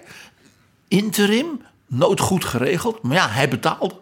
Het was wel iemand die zich in het bedrijfsleven eh, bewezen had. Hij was vastgoedhandelaar. En quote schatte hem in dat jaar 2002 zijn vermogen op 190 miljoen euro. Dat kunnen jij en ik niet zeggen. En, en, en- maar vlak daarvoor, dat zag je dus ook bij de LPF, had je dat roemruchte duo Dost en Langedam. Dat waren ook van die vastgoedjongens. En die hadden dus in de tijd dat Fortuin nog leefde, ja, de rekeningen betaald. En, eh, ja, en die, voor, die, die fungeerden een beetje als partij... Geef maar hier die bon. Ja, en als partijvoorzitter. Dus zo kwam ook die Ik merk... heb geen bon nodig. Nee. En, en zo kwam dus die merkwaardige lijst. Met Winnie de Jong en, en, en, en ja, wat, er allemaal op die lijst kwam. Dat kwam via die, die, die Dost en Langedam. Want Fortuyn deed zelf helemaal niks. Nee, dat ging trouwens door. Hè, want toen Maas eenmaal eh, eh, officieel die functie had... toen werd hij door de fractievoorzitter in de Tweede Kamer, Harry Wijnschenk... de fractievoorzitter notabene... beschuldigd van maffiapraktijken... om vastgoedmakelaars op de kieslijst voor de Provinciale Staten te krijgen. Eh, ja. Een paar dagen later eh, legde Maas zijn voorzittersfunctie neer. Nou, dit is zo'n voorbeeld dus dat de fractieleider, de partijvoorzitter, die overigens al, dus al bijna een jaar eh, de facto gewoon de basis en omdat hij achter, voor de centen zorgde, onaantastbaar was. Dat dus ja, als maffiapraktijken valt en vriendjespolitiek op de lijst. En, en dit is natuurlijk een episch verhaal, zoals het hele LPF natuurlijk. En dan denk je ook, eh, voor wat hoort wat, zo gaat het in het vastgoed ook. Maar blijkbaar, daar heb jij verstand van, ik niet. Maar eh kort- kortom, dit is zo'n voorbeeld. Dus, dus eh, de, de partijvoorzitter moet geworteld zijn. Van daaruit ook zijn autoriteit ontwikkelen. En dus de beroepspolitici moeten de gunfactor hebben. Nou, je zag dat eh, de fractieleider in dit geval niet heel veel gunfactor had naar de partijvoorzitter. En dan zie je het helemaal fout gaan. Dit is dus een, een, een gevaar dat nieuwe partijen, partijen die rondom één persoon of om rond, rond één thema, dat zie bij de Partij voor de Dieren bijvoorbeeld ook, eh, als die daaruit ontstaan, dat die dus, laten zeggen, deze, eh, zeg maar, die humuslaag waar het van uit kan groeien, niet hebben. En dat je dus rondom de macht van personen hele ja, bedenkelijke eh, eh, en merkwaardige ontwikkelingen kunt zien. En er klonk toen ook zo'n beetje elke dag in en rond de LPF de vraag: wat zou Pim ervan gevonden hebben? Die zat op zijn wolk. Ja, en dat was dus eigenlijk ook een foute benadering, want ook dan geef je te veel macht aan één persoon en te veel macht in één hand. En dan ook nog aan een schaduw. De, de, de, de LPF is de enige partij, kan ik me herinneren, in onze politieke geschiedenis. waar op het partijcongres is gepoogd de Tweede Kamerfractie collectief te royeren als lid van de partij. Ik ben dit aspect al vergeten, maar nu je het zegt. Ja, we, we, mocht betrouwbare bronnen nog jaren doorgaan, dan zullen we vast nog een aantal afleveringen aan aspecten van de LPF gaan besteden. Ik denk dat uh, de historische rubriek voor de tweede helft van 2021, dan is het 20 jaar 11 september. En ook 20 jaar de opmars van Fortuin. En dan 2022, dat zoals we nu een serie doen, historie van de val van de muur en alles wat daar gebeurde, dat we dan ook wel een serie kunnen doen. Uh, de eerste doorbraak van het populisme in Nederland en wat we daarvan geleerd hebben. En als je daar niet op kan wachten, dan beveel ik van harte aan het boek De Kinderen van Pim, geschreven door collega-podcastmaker Joost Vullings. En die heeft vrijwel alle belangrijke, en wie was er niet belangrijk in die tijd, Kamerleden, ministers, andere betrokkenen van de LPF geïnterviewd. En je valt opnieuw, uh, 17 jaar na dato, van de ene verbazing in de andere. Zo is dat. Dit is Betrouwbare Bronnen, een podcast met betrouwbare bronnen.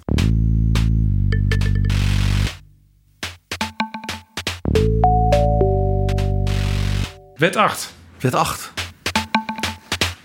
Daar, daar raken we het gebeuren van deze dagen binnen de Partij van de Dieren. Maar ook in mijn analyse uh, wat er in het Forum niet goed ging. Het Forum voor Democratie. Ja. Een voorzitter, een partijvoorzitter, moet zich vergewissen.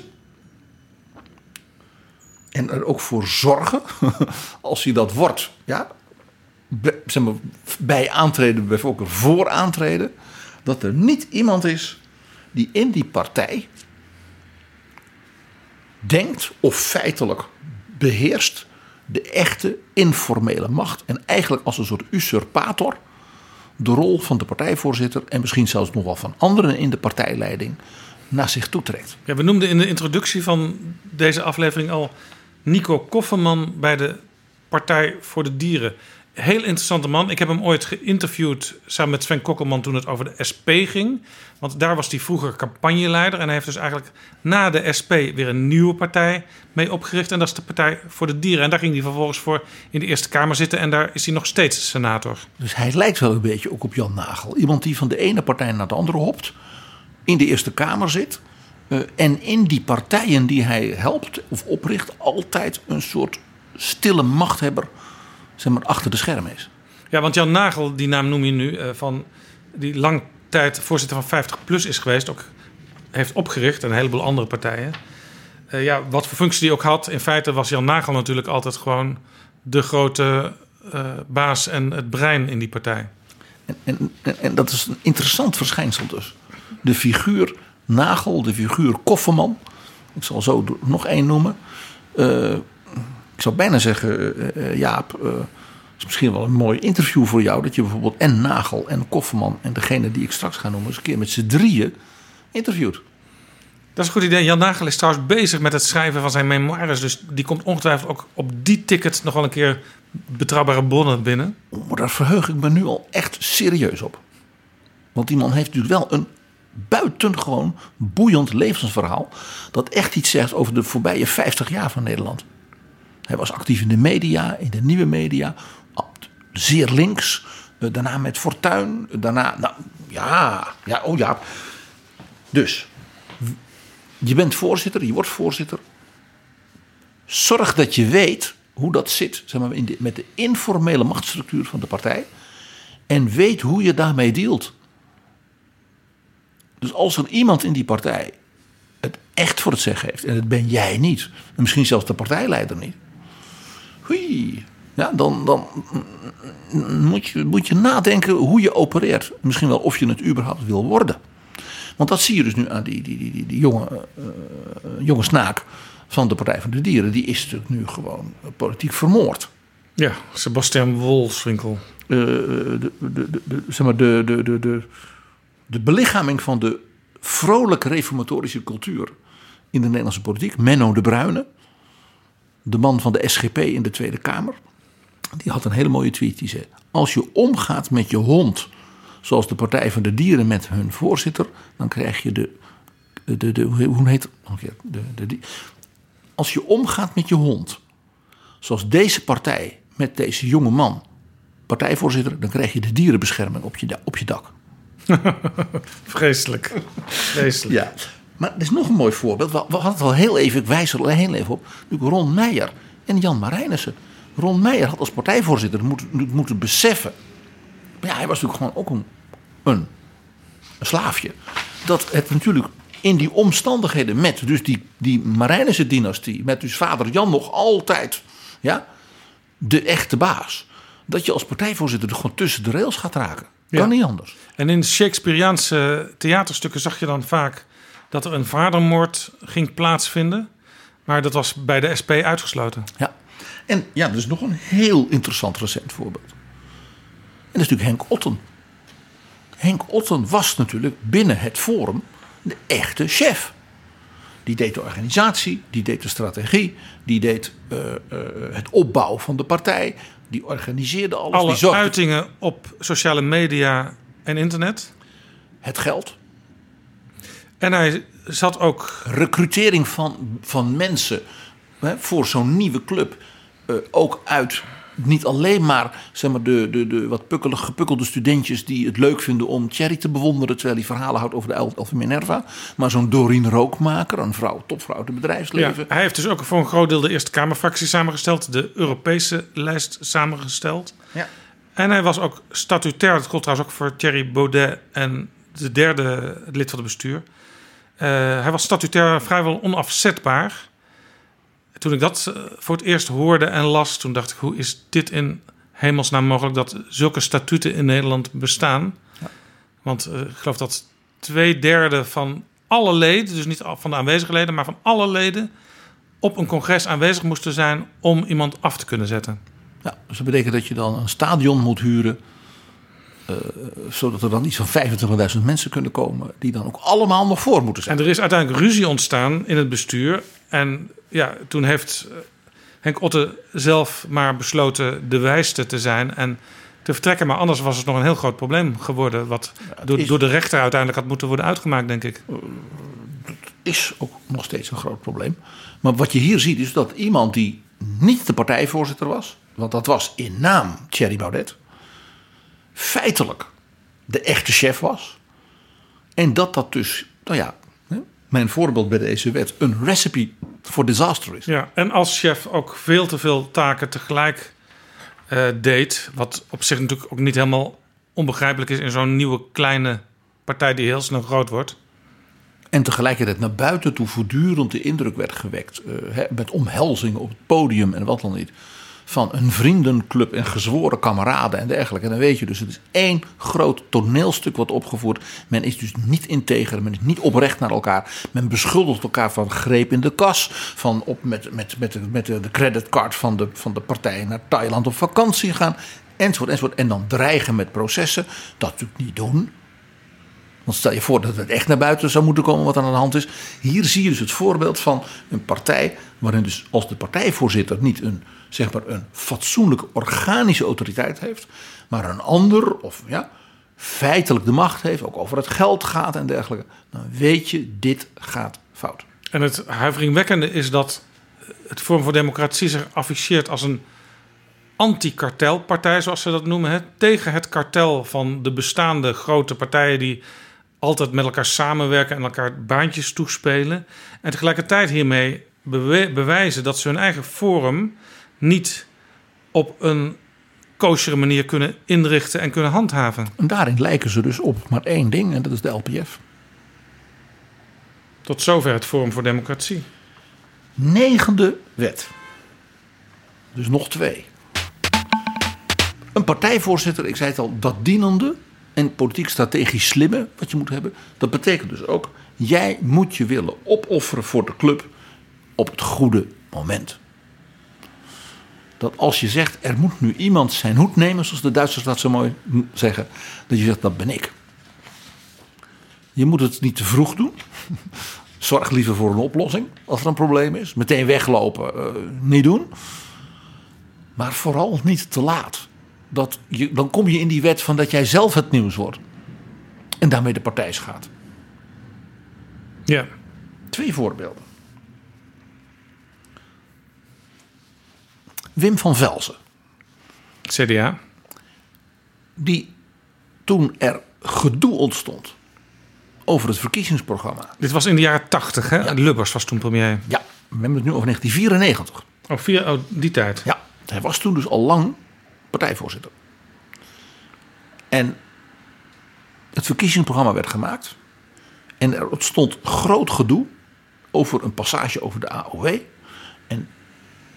En, één ding was duidelijk: de partijvoorzitter had dat hele proces, ook rond de, het vertrek van Lubbers, het aantreden van Brinkman, een nieuw programma, ook voor de komende, niet alleen de verkiezingen, maar ook voor de komende tien jaar als het ware. Ja, dat had hij dus uit zijn handen laten vallen. Ja, en ik herinner me, er was een lid van de programmacommissie, die heette professor Kolnaar, Ad Kolnaar. En die werd door journalisten bevraagd over wat staat er nou eigenlijk precies over die AOW in jullie programma. En toen bleek eigenlijk dat de consequentie kon zijn dat die AOW wel eens omlaag zou kunnen gaan. En dat was natuurlijk politiek heel erg link. Ja, de AOW zou bevroren worden als bijvoorbeeld de werkloosheid nog verder zou stijgen. Ja, de ja, bevriezen is feitelijk vaak omlaag gaan. Hè? Net als met alle andere uitkeringen. En zelfs in de diepste crisis, 82, 83, dat Lubbers eh, met Jan de Koning, Onno Ruding, Wim Deetman zo enorm moest ingrijpen.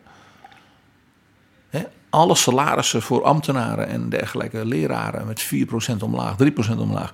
Alle uitkeringen verlaagd. Maar niet de AOW. Het was dus een soort heilig ding, die AOW. Zo van, die mensen die hebben hun hele leven gewerkt. Hebben het land opgebouwd. Ja, dat, maar vooral, die hebben niet een alternatief van ik ga naar een andere baan of ik ga nog wat meer uren werken. Die hebben dat. Dat was de gedachte. En professor Kolnaar eh, deed dat bij een persconferentie. En dat was dus een, een rekenmeester. Dus die ging zitten voorrekenen op eh, een slimme collega van jou, eh, Jaap. Van zou er nou een scenario, en dat moet je natuurlijk nooit doen, van als dan vragen. Dat is bekend, nooit op als dan vragen. Ja, als ik me goed herinner was dat NOS-verslaggeefster Maria Henneman die die vragen stelde. Een hele scherpe dame was dat en is dat ook. En die ging dus dat scenario uitrollen. Er, ja, als er nou dit, dan zou dat. En dan wordt wat natuurlijk uitgezonden werd, was dat, dat quoteje van 15 seconden. Ja, ja, het kan zijn dat de AOW bevroren moet worden. Een professor ja, uh, in sociaal-economische rekensommen. En de partijvoorzitter die werd dus uh, geconfronteerd met die beelden. Op zijn eigen partijbureau opgenomen bij de officiële presentatie. En het leidde ertoe dat het CDA een enorme smak bij de verkiezingen ging maken. Dat was trouwens ook het jaar, heeft ook direct met dit onderwerp te maken, dat er een aantal, meerdere dus, meerdere oudere partijen de Tweede Kamer binnenkwamen. Ja, dat was direct een, een indirect, een direct indirect effect van dat dit gebeurde. Uh, en wat Van Velzen dus deed, was op dat moment zeggen: dan stap ik nu op als partijvoorzitter, want dit is niet goed. Ik besef dat. En dit moet dus niet als het ware worden geprojecteerd. Oh, dat is de schuld van de nieuwe lijsttrekker, van Elko Brinkman. Ik had dat moeten doen.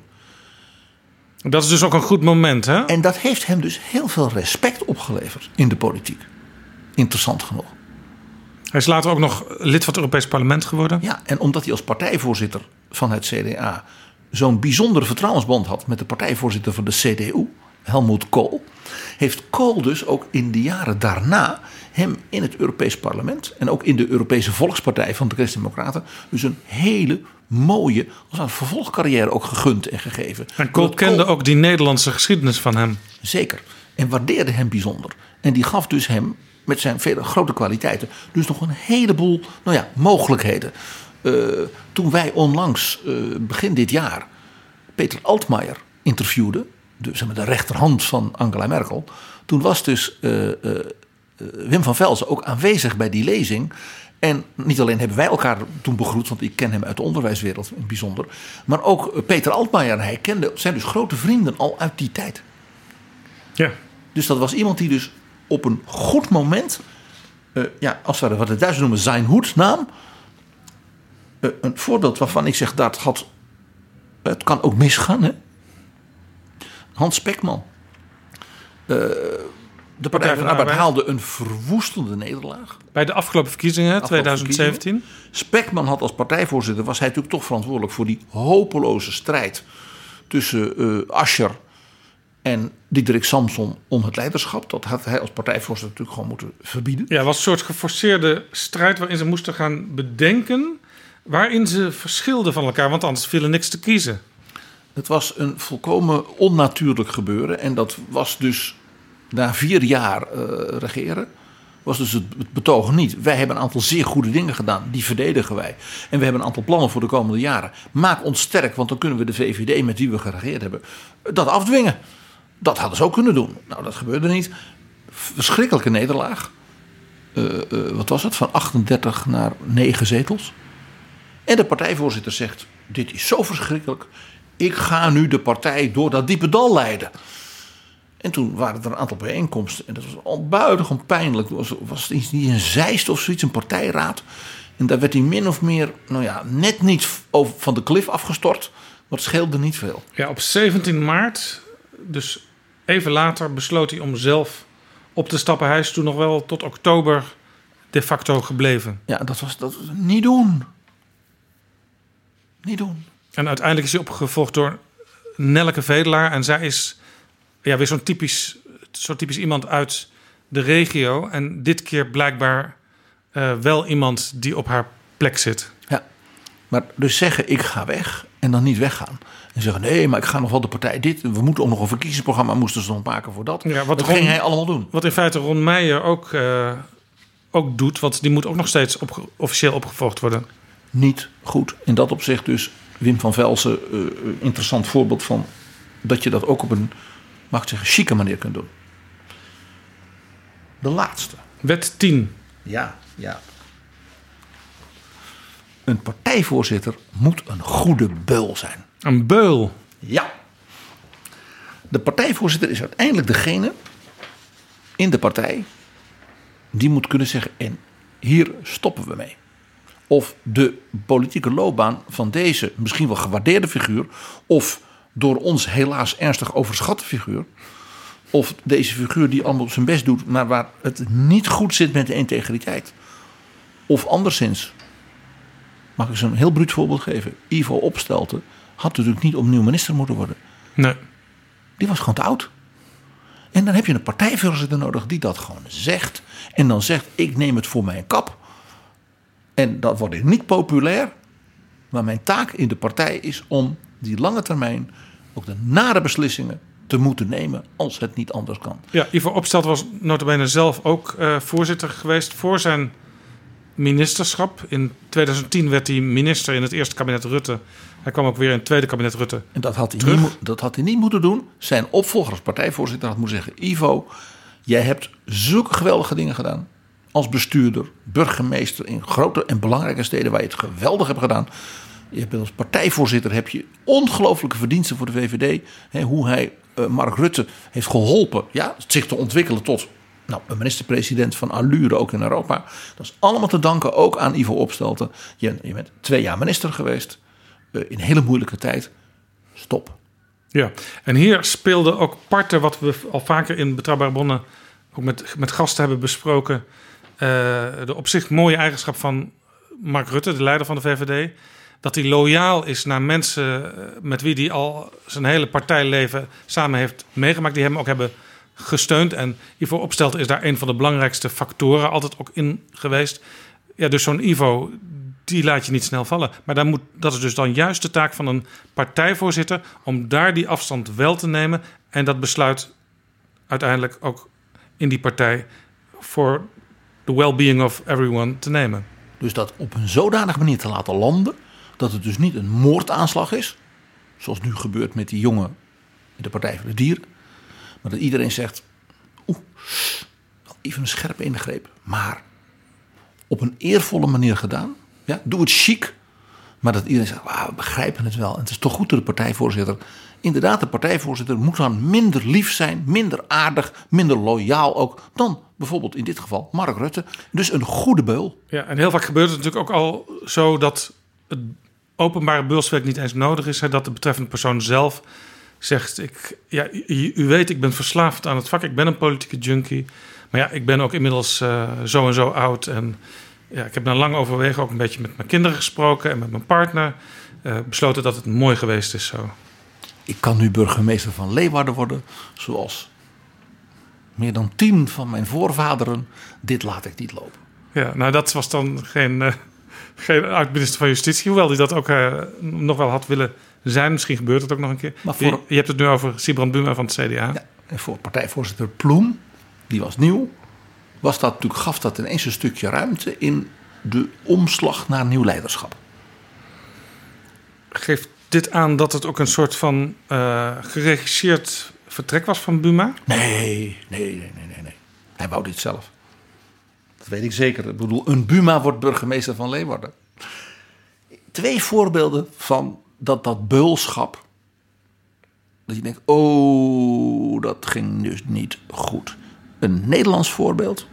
Dramatisch in onze politieke geschiedenis. En een voorbeeld uit het buitenland.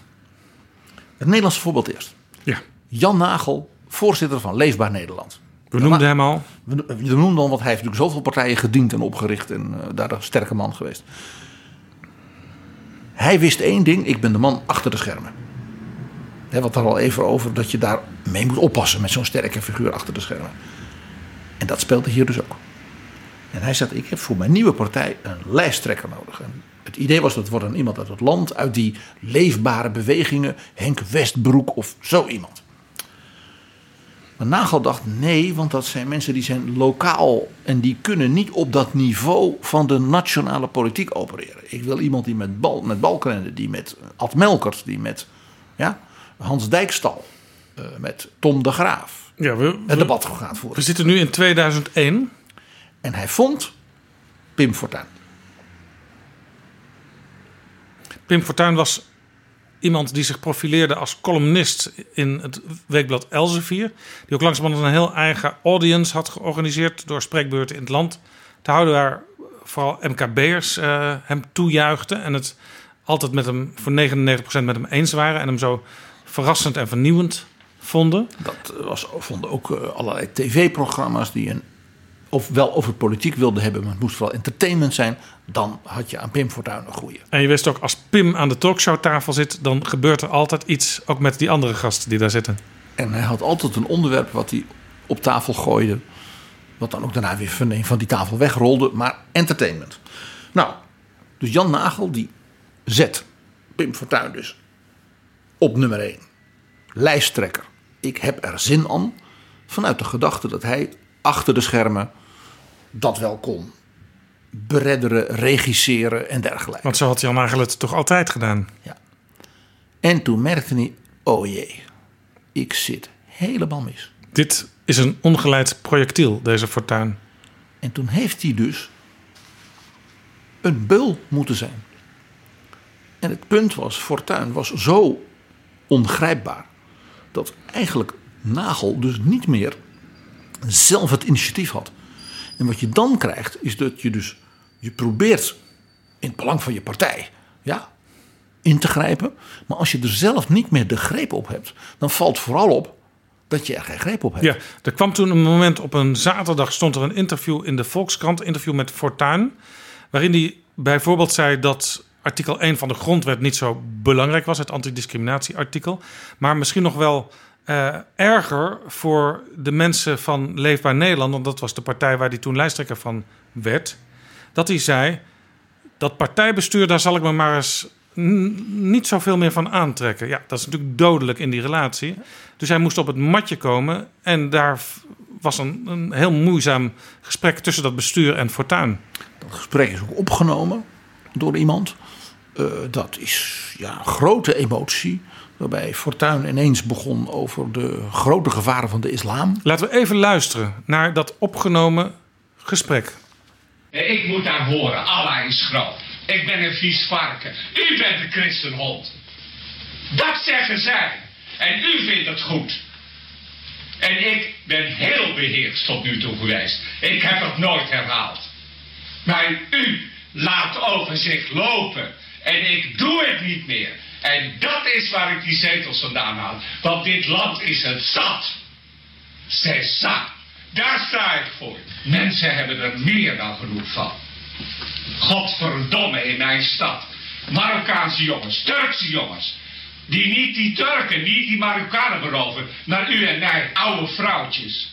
En de politie, wat doen ze? Godverdomme niks. Wie zeggen als je dat zegt, discrimineert u. En dat verwoord ik van het Nederlandse volk. En ik sta ervoor. Ik sta ervoor. Mag het niet? Oké. Ik respecteer je. Sissa. Wat nou het ergste is dat ik het er nog mee eens ben. Oh, ja, ik ook. Ja. Maar het- je kan het niet zeggen zo op die manier, is het- dat is geen politiek. Dat was die avond in Hilversum boven een bedrijfspand. Waar Pim Fortuyn ter verantwoording werd geroepen door het bestuur van Leefbaar Nederland. En dat leidde nog die avond tot het vertrek als lijsttrekker van Pim Fortuyn. En Want Fortuyn werd door het partijbestuur onder leiding van Jan Nagel, hè, die dus de rol van een goede beul zich in feite uit handen laten nemen, eh, ja, gesommeerd dus al die uitspraken in te trekken. En als hij dat deed, kon hij lijsttrekker blijven. Ja, in feite was hij daarmee natuurlijk politiek gecastreerd geweest, om geen ander Ja. woord te ge- gebruiken. Ja. En hij was dus zo- dit was ook nog, dit was dus ook nog de goede beul. Kon dus eigenlijk niet meer echt de ingreep doen die hij moest doen en misschien al had moeten doen. En Fortuyn was zo van zichzelf overtuigd dat hij opstapte. Hij wuifde naar de journalisten en hij riep... Vergis je niet. Ik was de minister-president van dit land. Pim Fortuyn reed de nacht in. Hij was niet langer lijsttrekker van Leefbaar Nederland. Hij begon zijn eigen partij. En Jan Nagel bleef met zijn handen leeg achter. Ja, als er nou één verweesde samenleving was, dan was dat Leefbaar Nederland. ja, de verwezen samenleving en boekti- boektitel van een van de boeken van de denker Pim Fortuyn. Ja. Het voorbeeld uit het buitenland. En je raadt het al, zo'n voorbeeld is altijd wat kleurrijker en ongebruikelijker dan Nederland. Een goede beul zijn als partijvoorzitter betekent ook dat je bijvoorbeeld dingen die je voorgangers hebben gedaan, waar jij mee geconfronteerd wordt op het moment dat je voorzitter wordt, dat je daar dus subiet en met gezag eh, een eind aan kunt maken. Ja, als je een lijk in de kast vindt. Dit gaat letterlijk over een lijk in de kast. We hebben het nu over de Belgische Sociaaldemocraten, de SPA, zoals die partij heet. En daar kwam een nieuwe, jonge voorzitter. Een briljante intellectueel. Een man die gepromoveerd was en dit en dat. Frank van den Broeke. Was al minister geweest, dacht ik? Ja, van alles. Is daarna ook weer vicepremier geweest. En, en En is nu tegenwoordig hoogleraar aan de Universiteit van Amsterdam. Onder andere, ja. Dus ook een echte politieke denker. En die werd partijvoorzitter en dat was meteen iemand van de nieuwe generatie. En die ontdekt dat er bij zijn voorgangers, ja, dat daar nog wat eh, zeg maar cliëntelistische eh, gebruiken waren als het ging om de partijfinanciering. En hoe dus bijvoorbeeld staatsbedrijven en de partij, in dit geval de Sociaal-Democratische Partij, elkaar soms een beetje de bal toespeelden. En meer van dat soort dingen. Wat ze in, eh, daar noemen het La Belgique de Papa. Het België van opa. Hè, dus van vroeger. En een van de dingen die hij aantrof was een envelopje. Met daarin voor zeg maar zo'n 100.000 gulden aan franken, Belgische frankjes. In contanten. En dat was Dat het- vond hij ergens in het partijbureau. Ja, dat was in de brandkast van de partijvoorzitter. Die nu van hem was dus. En dat bleek dus het restant te zijn van een gulle gift van een Italiaans eh, bedrijf dat eh, vooral actief was in de militaire technologie.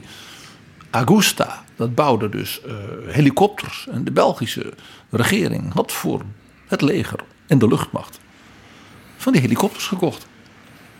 En zijn voorganger, een van zijn voorgangers, was minister van Defensie.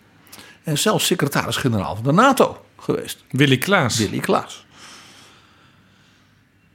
Ja, wat doe je daarmee?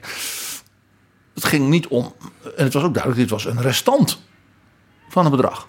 Het bedrag was op zichzelf al niet onaardig. Ja, en als je, Vooral in contanten. Als je als, vliegt, als je als helikopterfabriek voor miljarden opdrachten krijgt, dan kunnen een paar ton er wel af aan smeergeld.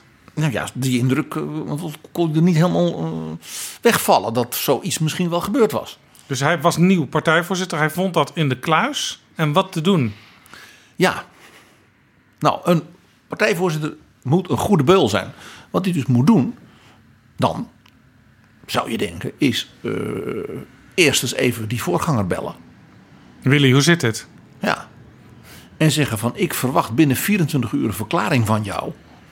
Waarin jij dus eh, nou ja, op een chique manier harakiri pleegt. Ja, ja. Jij gaat dit gewoon openlijk bekennen. En je gaat diep door het stof. Want anders kunnen we niet door. Anders kunnen we als partij niet door. En dan zal ik als partijvoorzitter zeggen dat ik buitengewoon geschokt ben. Maar dat jij een man bent van grote verdiensten voor onze partij. En misschien dat je de titel van erevoorzitter misschien wel kwijt bent, hè, zoals Helmut Kool later Ja, ook. en je foto mag gewoon aan de muur blijven hangen in het partijkantoor. Nou ja, hè. wat deed Frank van der Broeke? Een, in die zin wat on-Vlaamse, wat ingetogen, niet zo barokke, eh, Bourgondische zouden we zeggen, intellectueel. Eerder wat Hollands. Ja. Die hij dacht van, ja, dat geld is illegaal. Dat mag ik helemaal niet hebben. Dus die heeft dat verbrand. Want dan is het er niet meer. Ja, dat is een beetje naïef. Want dat is er. Ook als het verbrand is. En heeft toen daarna dus een soort verklaring afgegeven dat hij dat gedaan had. En in plaats van dat men zei, wat een ongelofelijke integere man. is Ja, want het was niet zo dat hij het wilde verzwijgen. Hij zei het daarna meteen wel. Dat was toch het erge. eh, van, van, van, eh, dat men, men kon, je zou dus denken, wat een integere man. En ja, hij kreeg dus hoon over zich heen. Ja. Naïef. Eh, waarom heeft hij dat niet uitgezocht? Hoe dat zat? Misschien ligt er nog wel in een andere brandkast. eh, ja, bij de partijsecretaris of bij de internationaal secretaris ook nog wel geld. Ja, wie weet zijn er wel meer van die envelopjes geweest. Dus het, het riep dus vooral meer op dan het als het ware afstopte. Partijvoorzitter moet een goede beul zijn. En dit voorbeeld van Frank van den Broeke is dus een, een, een heel opvallend voorbeeld, omdat hij dus aan de ene kant waardering verdient voor zijn. Of dat hij zegt van ik wil, ik wil dit absoluut niet hebben. En tegelijkertijd daardoor politiek, zou je zeggen, bestuurlijk misschien onhandig was. Ja, en hij had waarschijnlijk ook een ja, waarschijnlijk aangifte moeten doen, maar wellicht ook een commissie moeten instellen van voor een deel externe mensen die het inderdaad tot op de bodem hadden kunnen uitzoeken. Ja, ja, zo, ja, zo dat voor de partij. Dat had hij dus daarna kunnen doen. Maar ja, nu, nu begon natuurlijk, nu was het natuurlijk meteen een zaak die. Ja, dit raakte ook de Belgische regering. Van de jaren daarvoor. Hoe is het afgelopen? Want dat zit niet meer in mijn geheugen. Eh, nou, het, is- het, is, het, is, het is dramatisch geweest natuurlijk voor de reputatie van Willy Klaas. Eh, Frank van den Broeke is dus echt opgestapt. Is, maar ja, doordat men ja, er niet omheen kon om toch ook wat te zeggen... ja, het was wel loepzuiver wat hij probeerde te doen... eh, heeft dat dus niet verhinderd dat hij daarna eh, eh, een aantal ministersposten... en ook vicepremier is geweest van Vlaanderen. En volgens mij is hij daarna naar Oxford gegaan, ook naar de universiteit. En meer van dat soort dingen. Ja, en nu dus in Amsterdam aan het werk op de universiteit. Maar het is een voorbeeld dus van wat ik noem: je moet een goede beul zijn. Je moet weten hoe je dat doet. Kun jij recapitulerend nog even die tien wetten noemen? Nummer 1. De voorzitter moet het boegbeeld zijn. Niet iemand die zeg maar, deel is of vertegenwoordiger van een interne strijd in de partij. Nummer twee. Twee. Het moet iemand zijn die de nieren proeft van haar of zijn partij. Dat de mensen voelen, die snapt ons, die vertolkt zeg maar, de binnenkant van hoe wij denken en onze idealen. Dus heel herkenbaar is voor de achterban, voor de leden. Nummer drie. De voorzitter moet snappen, ik ben politiek dienend. En ik moet, politiek alert en zelfs slim zijn. En niet alleen maar braaf de leedbeeldabstratie doen. Vier. De voorzitter moet niet zelf nieuws worden met gedoe. Wet nummer vijf. De voorzitter moet niet uit zijn op zijn eigen loopbaan, zijn eigen mediaprofiel, zijn eigen succesjes. Zes. De voorzitter is iemand die moet weten: ik moet regisseren en agenderen en niet kadaverdiscipline dictator spelen. Zeven. De voorzitter moet snappen: mijn macht berust op het feit dat ik diepe wortels in die partij heb, in de omgeving van die partij. En op de gunfactor naar mij bij de professionele politici van die partij. Nummer 8. De voorzitter moet zorgen dat niemand anders in de partij de positie heeft dat die haar of zijn macht kan usurperen. 9. De voorzitter moet bereid zijn zich op te offeren voor de club op het juiste moment. Tot slot wet nummer 10. Een voorzitter moet een goede beul zijn. Laat dit ook een aanbeveling zijn bij het zoeken naar een nieuwe voorzitter van de Partij voor de Dieren. Zijn er, misschien overvraag ik je hoor, maar zijn er ook voorzitters die het zo goed hebben gedaan dat eigenlijk op geen enkel van deze wetten zij gefaald hebben? Nou, ik ga iemand noemen die we eerder al even de, laat ik zeggen, lieten passeren, maar in een wat minder, ja, ik zeg maar zeggen, vlijende manier. Uh, en dat is Ivo Opstelten. Als partijvoorzitter heeft die man dus, Gerry van der List uh, sprak er met jou ook over, grote verdiensten voor die partij. Ja, hij was wel als een bullebak soms aan de telefoon om mensen tot rust en stilte te manen. Maar je kunt inderdaad zeggen, hij heeft die VVD weer in balans gebracht en een bodem gelegd voor de groei van die partij onder Mark Rutte. Ja, en die bullenbakkant, dat is ook misschien ook een beetje de. Hey, je moet af en toe de goede beul zijn. Dat je tegen iemand zegt: Nou hou je op. En eh, jij en ik kunnen je ongetwijfeld helemaal indenken hoe Ivo opstelt dat dat doet. Ligt er een enorme beer op de weg, dan gaan we die altijd even bekijken en uh, gaan we die beer weghalen. Ja, heb, heb, je nog een naam? Ja, uh, Maria van Bijsterveld. CDA. De partijvoorzitter van het CDA. Uh, zij was een keer te gast in Betrouwbare Bronnen om te pleiten voor het handhaven van de benoemde burgemeester. Even een heel ander onderwerp. Je hoorde in haar dat ze nog diep in haar hart nog altijd partijvoorzitter is. Het belang van het CDA, de ideeën van het CDA moeten zuiver en goed naar voren komen. Uh, en dit had, was iets richting de Eerste Kamer. Ze waarschuwde de Eerste Kamer om niet een fout te maken, zeg maar, in haar ogen. ten opzichte van de lange termijn denken van het CDA. Typisch een rol van de partijvoorzitter ook. En, en ja, zij heeft als partijvoorzitter na dat drama met Mannix van Rij. de ondergang van de hoop Scheffer, eh, het aantreden van Balkenende, helemaal nieuw, ja, uit het niets. En zij werd toen partijvoorzitter en heeft dus die partij weer stabiliteit gegeven. En ook elan, inhoudelijk ook. En ze durfde bijvoorbeeld op te komen tegen Verhagen, tegen uh, Balkenende. En ja, is tot op de dag van, die, van, de, op de dag van vandaag.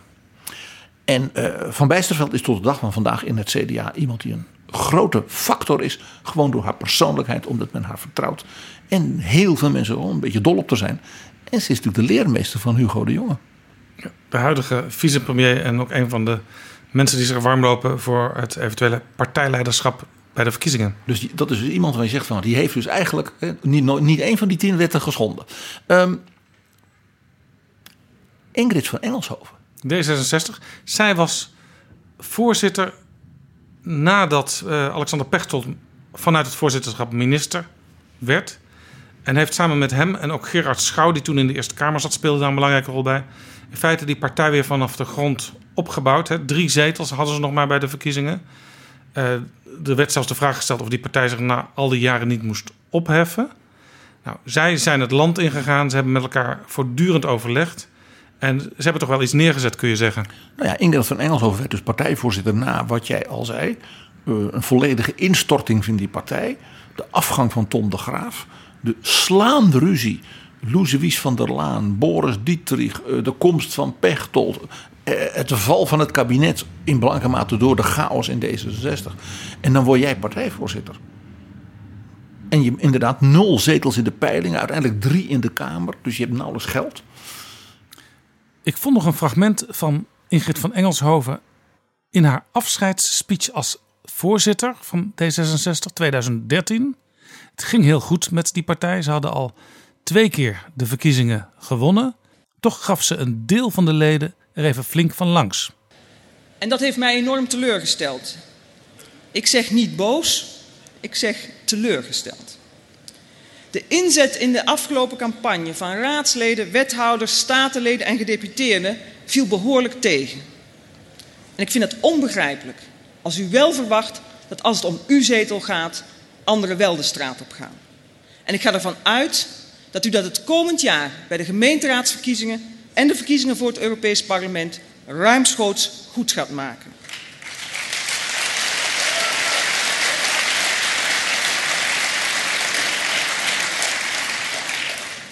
Want wie nu ook maar even denkt dat die verkiezingen van volgend jaar toch wel weer gewonnen worden, zet ons nu al op achterstand. Dat was Ingrid van Engelshoven in haar afscheidsspeech, nota bene, waarin ze nog even een aantal mensen de mantel uitveegde.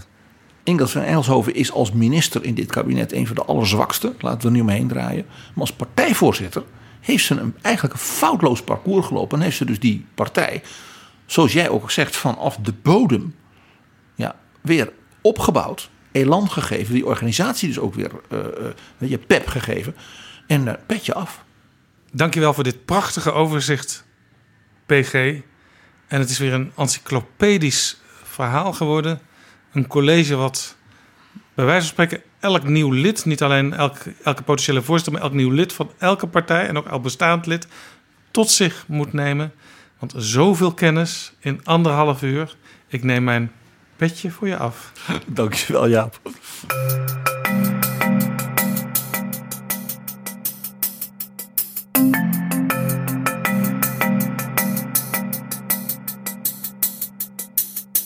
Zo, dit was Betrouwbare Bronnen, aflevering 56. Laat ons weten wat je ervan vond en nog mooier, laat het anderen weten als je Betrouwbare Bronnen de moeite waard vindt om naar te luisteren. Hoe meer luisteraars, hoe beter. Wil je adverteren of sponsoren? Schrijf dan naar Flip Kilian Adams door een mailtje te sturen aan flipapenstaartdagennacht.nl. Komende week zijn de Tweede en Eerste Kamer met reces. Dinsdag is er geen nieuwe aflevering, maar vrijdag, over een week dus, weer wel. We gaan het dan hebben over het boek Het Ancien Régime en de Revolutie van Alexis de Tocqueville. Tot dan. Gaan we nog praten met meneer Van der Ark. Goedemorgen. Goedemorgen. U belt vooral eigenlijk uh, met, met uw vrouw thuis en haar ervaringen... dat u denkt, staken met Jap. Nou ja, staken met Jap. Het is natuurlijk het uiterste middel. Maar ik vind eigenlijk dat ze het hele land nog eens een keer plat moeten leggen. want, het zijn, want het zijn niet de mensen die het land en, en allemaal kapot maken. Het zijn die snuggere Japen in Den Haag die het allemaal kapot maken. Ja. Want die staan zo ver van de werkelijkheid af, die mensen. Die hebben echt totaal geen benul. Betrouwbare bronnen wordt gemaakt door Jaap Jansen in samenwerking met dag en nacht.nl.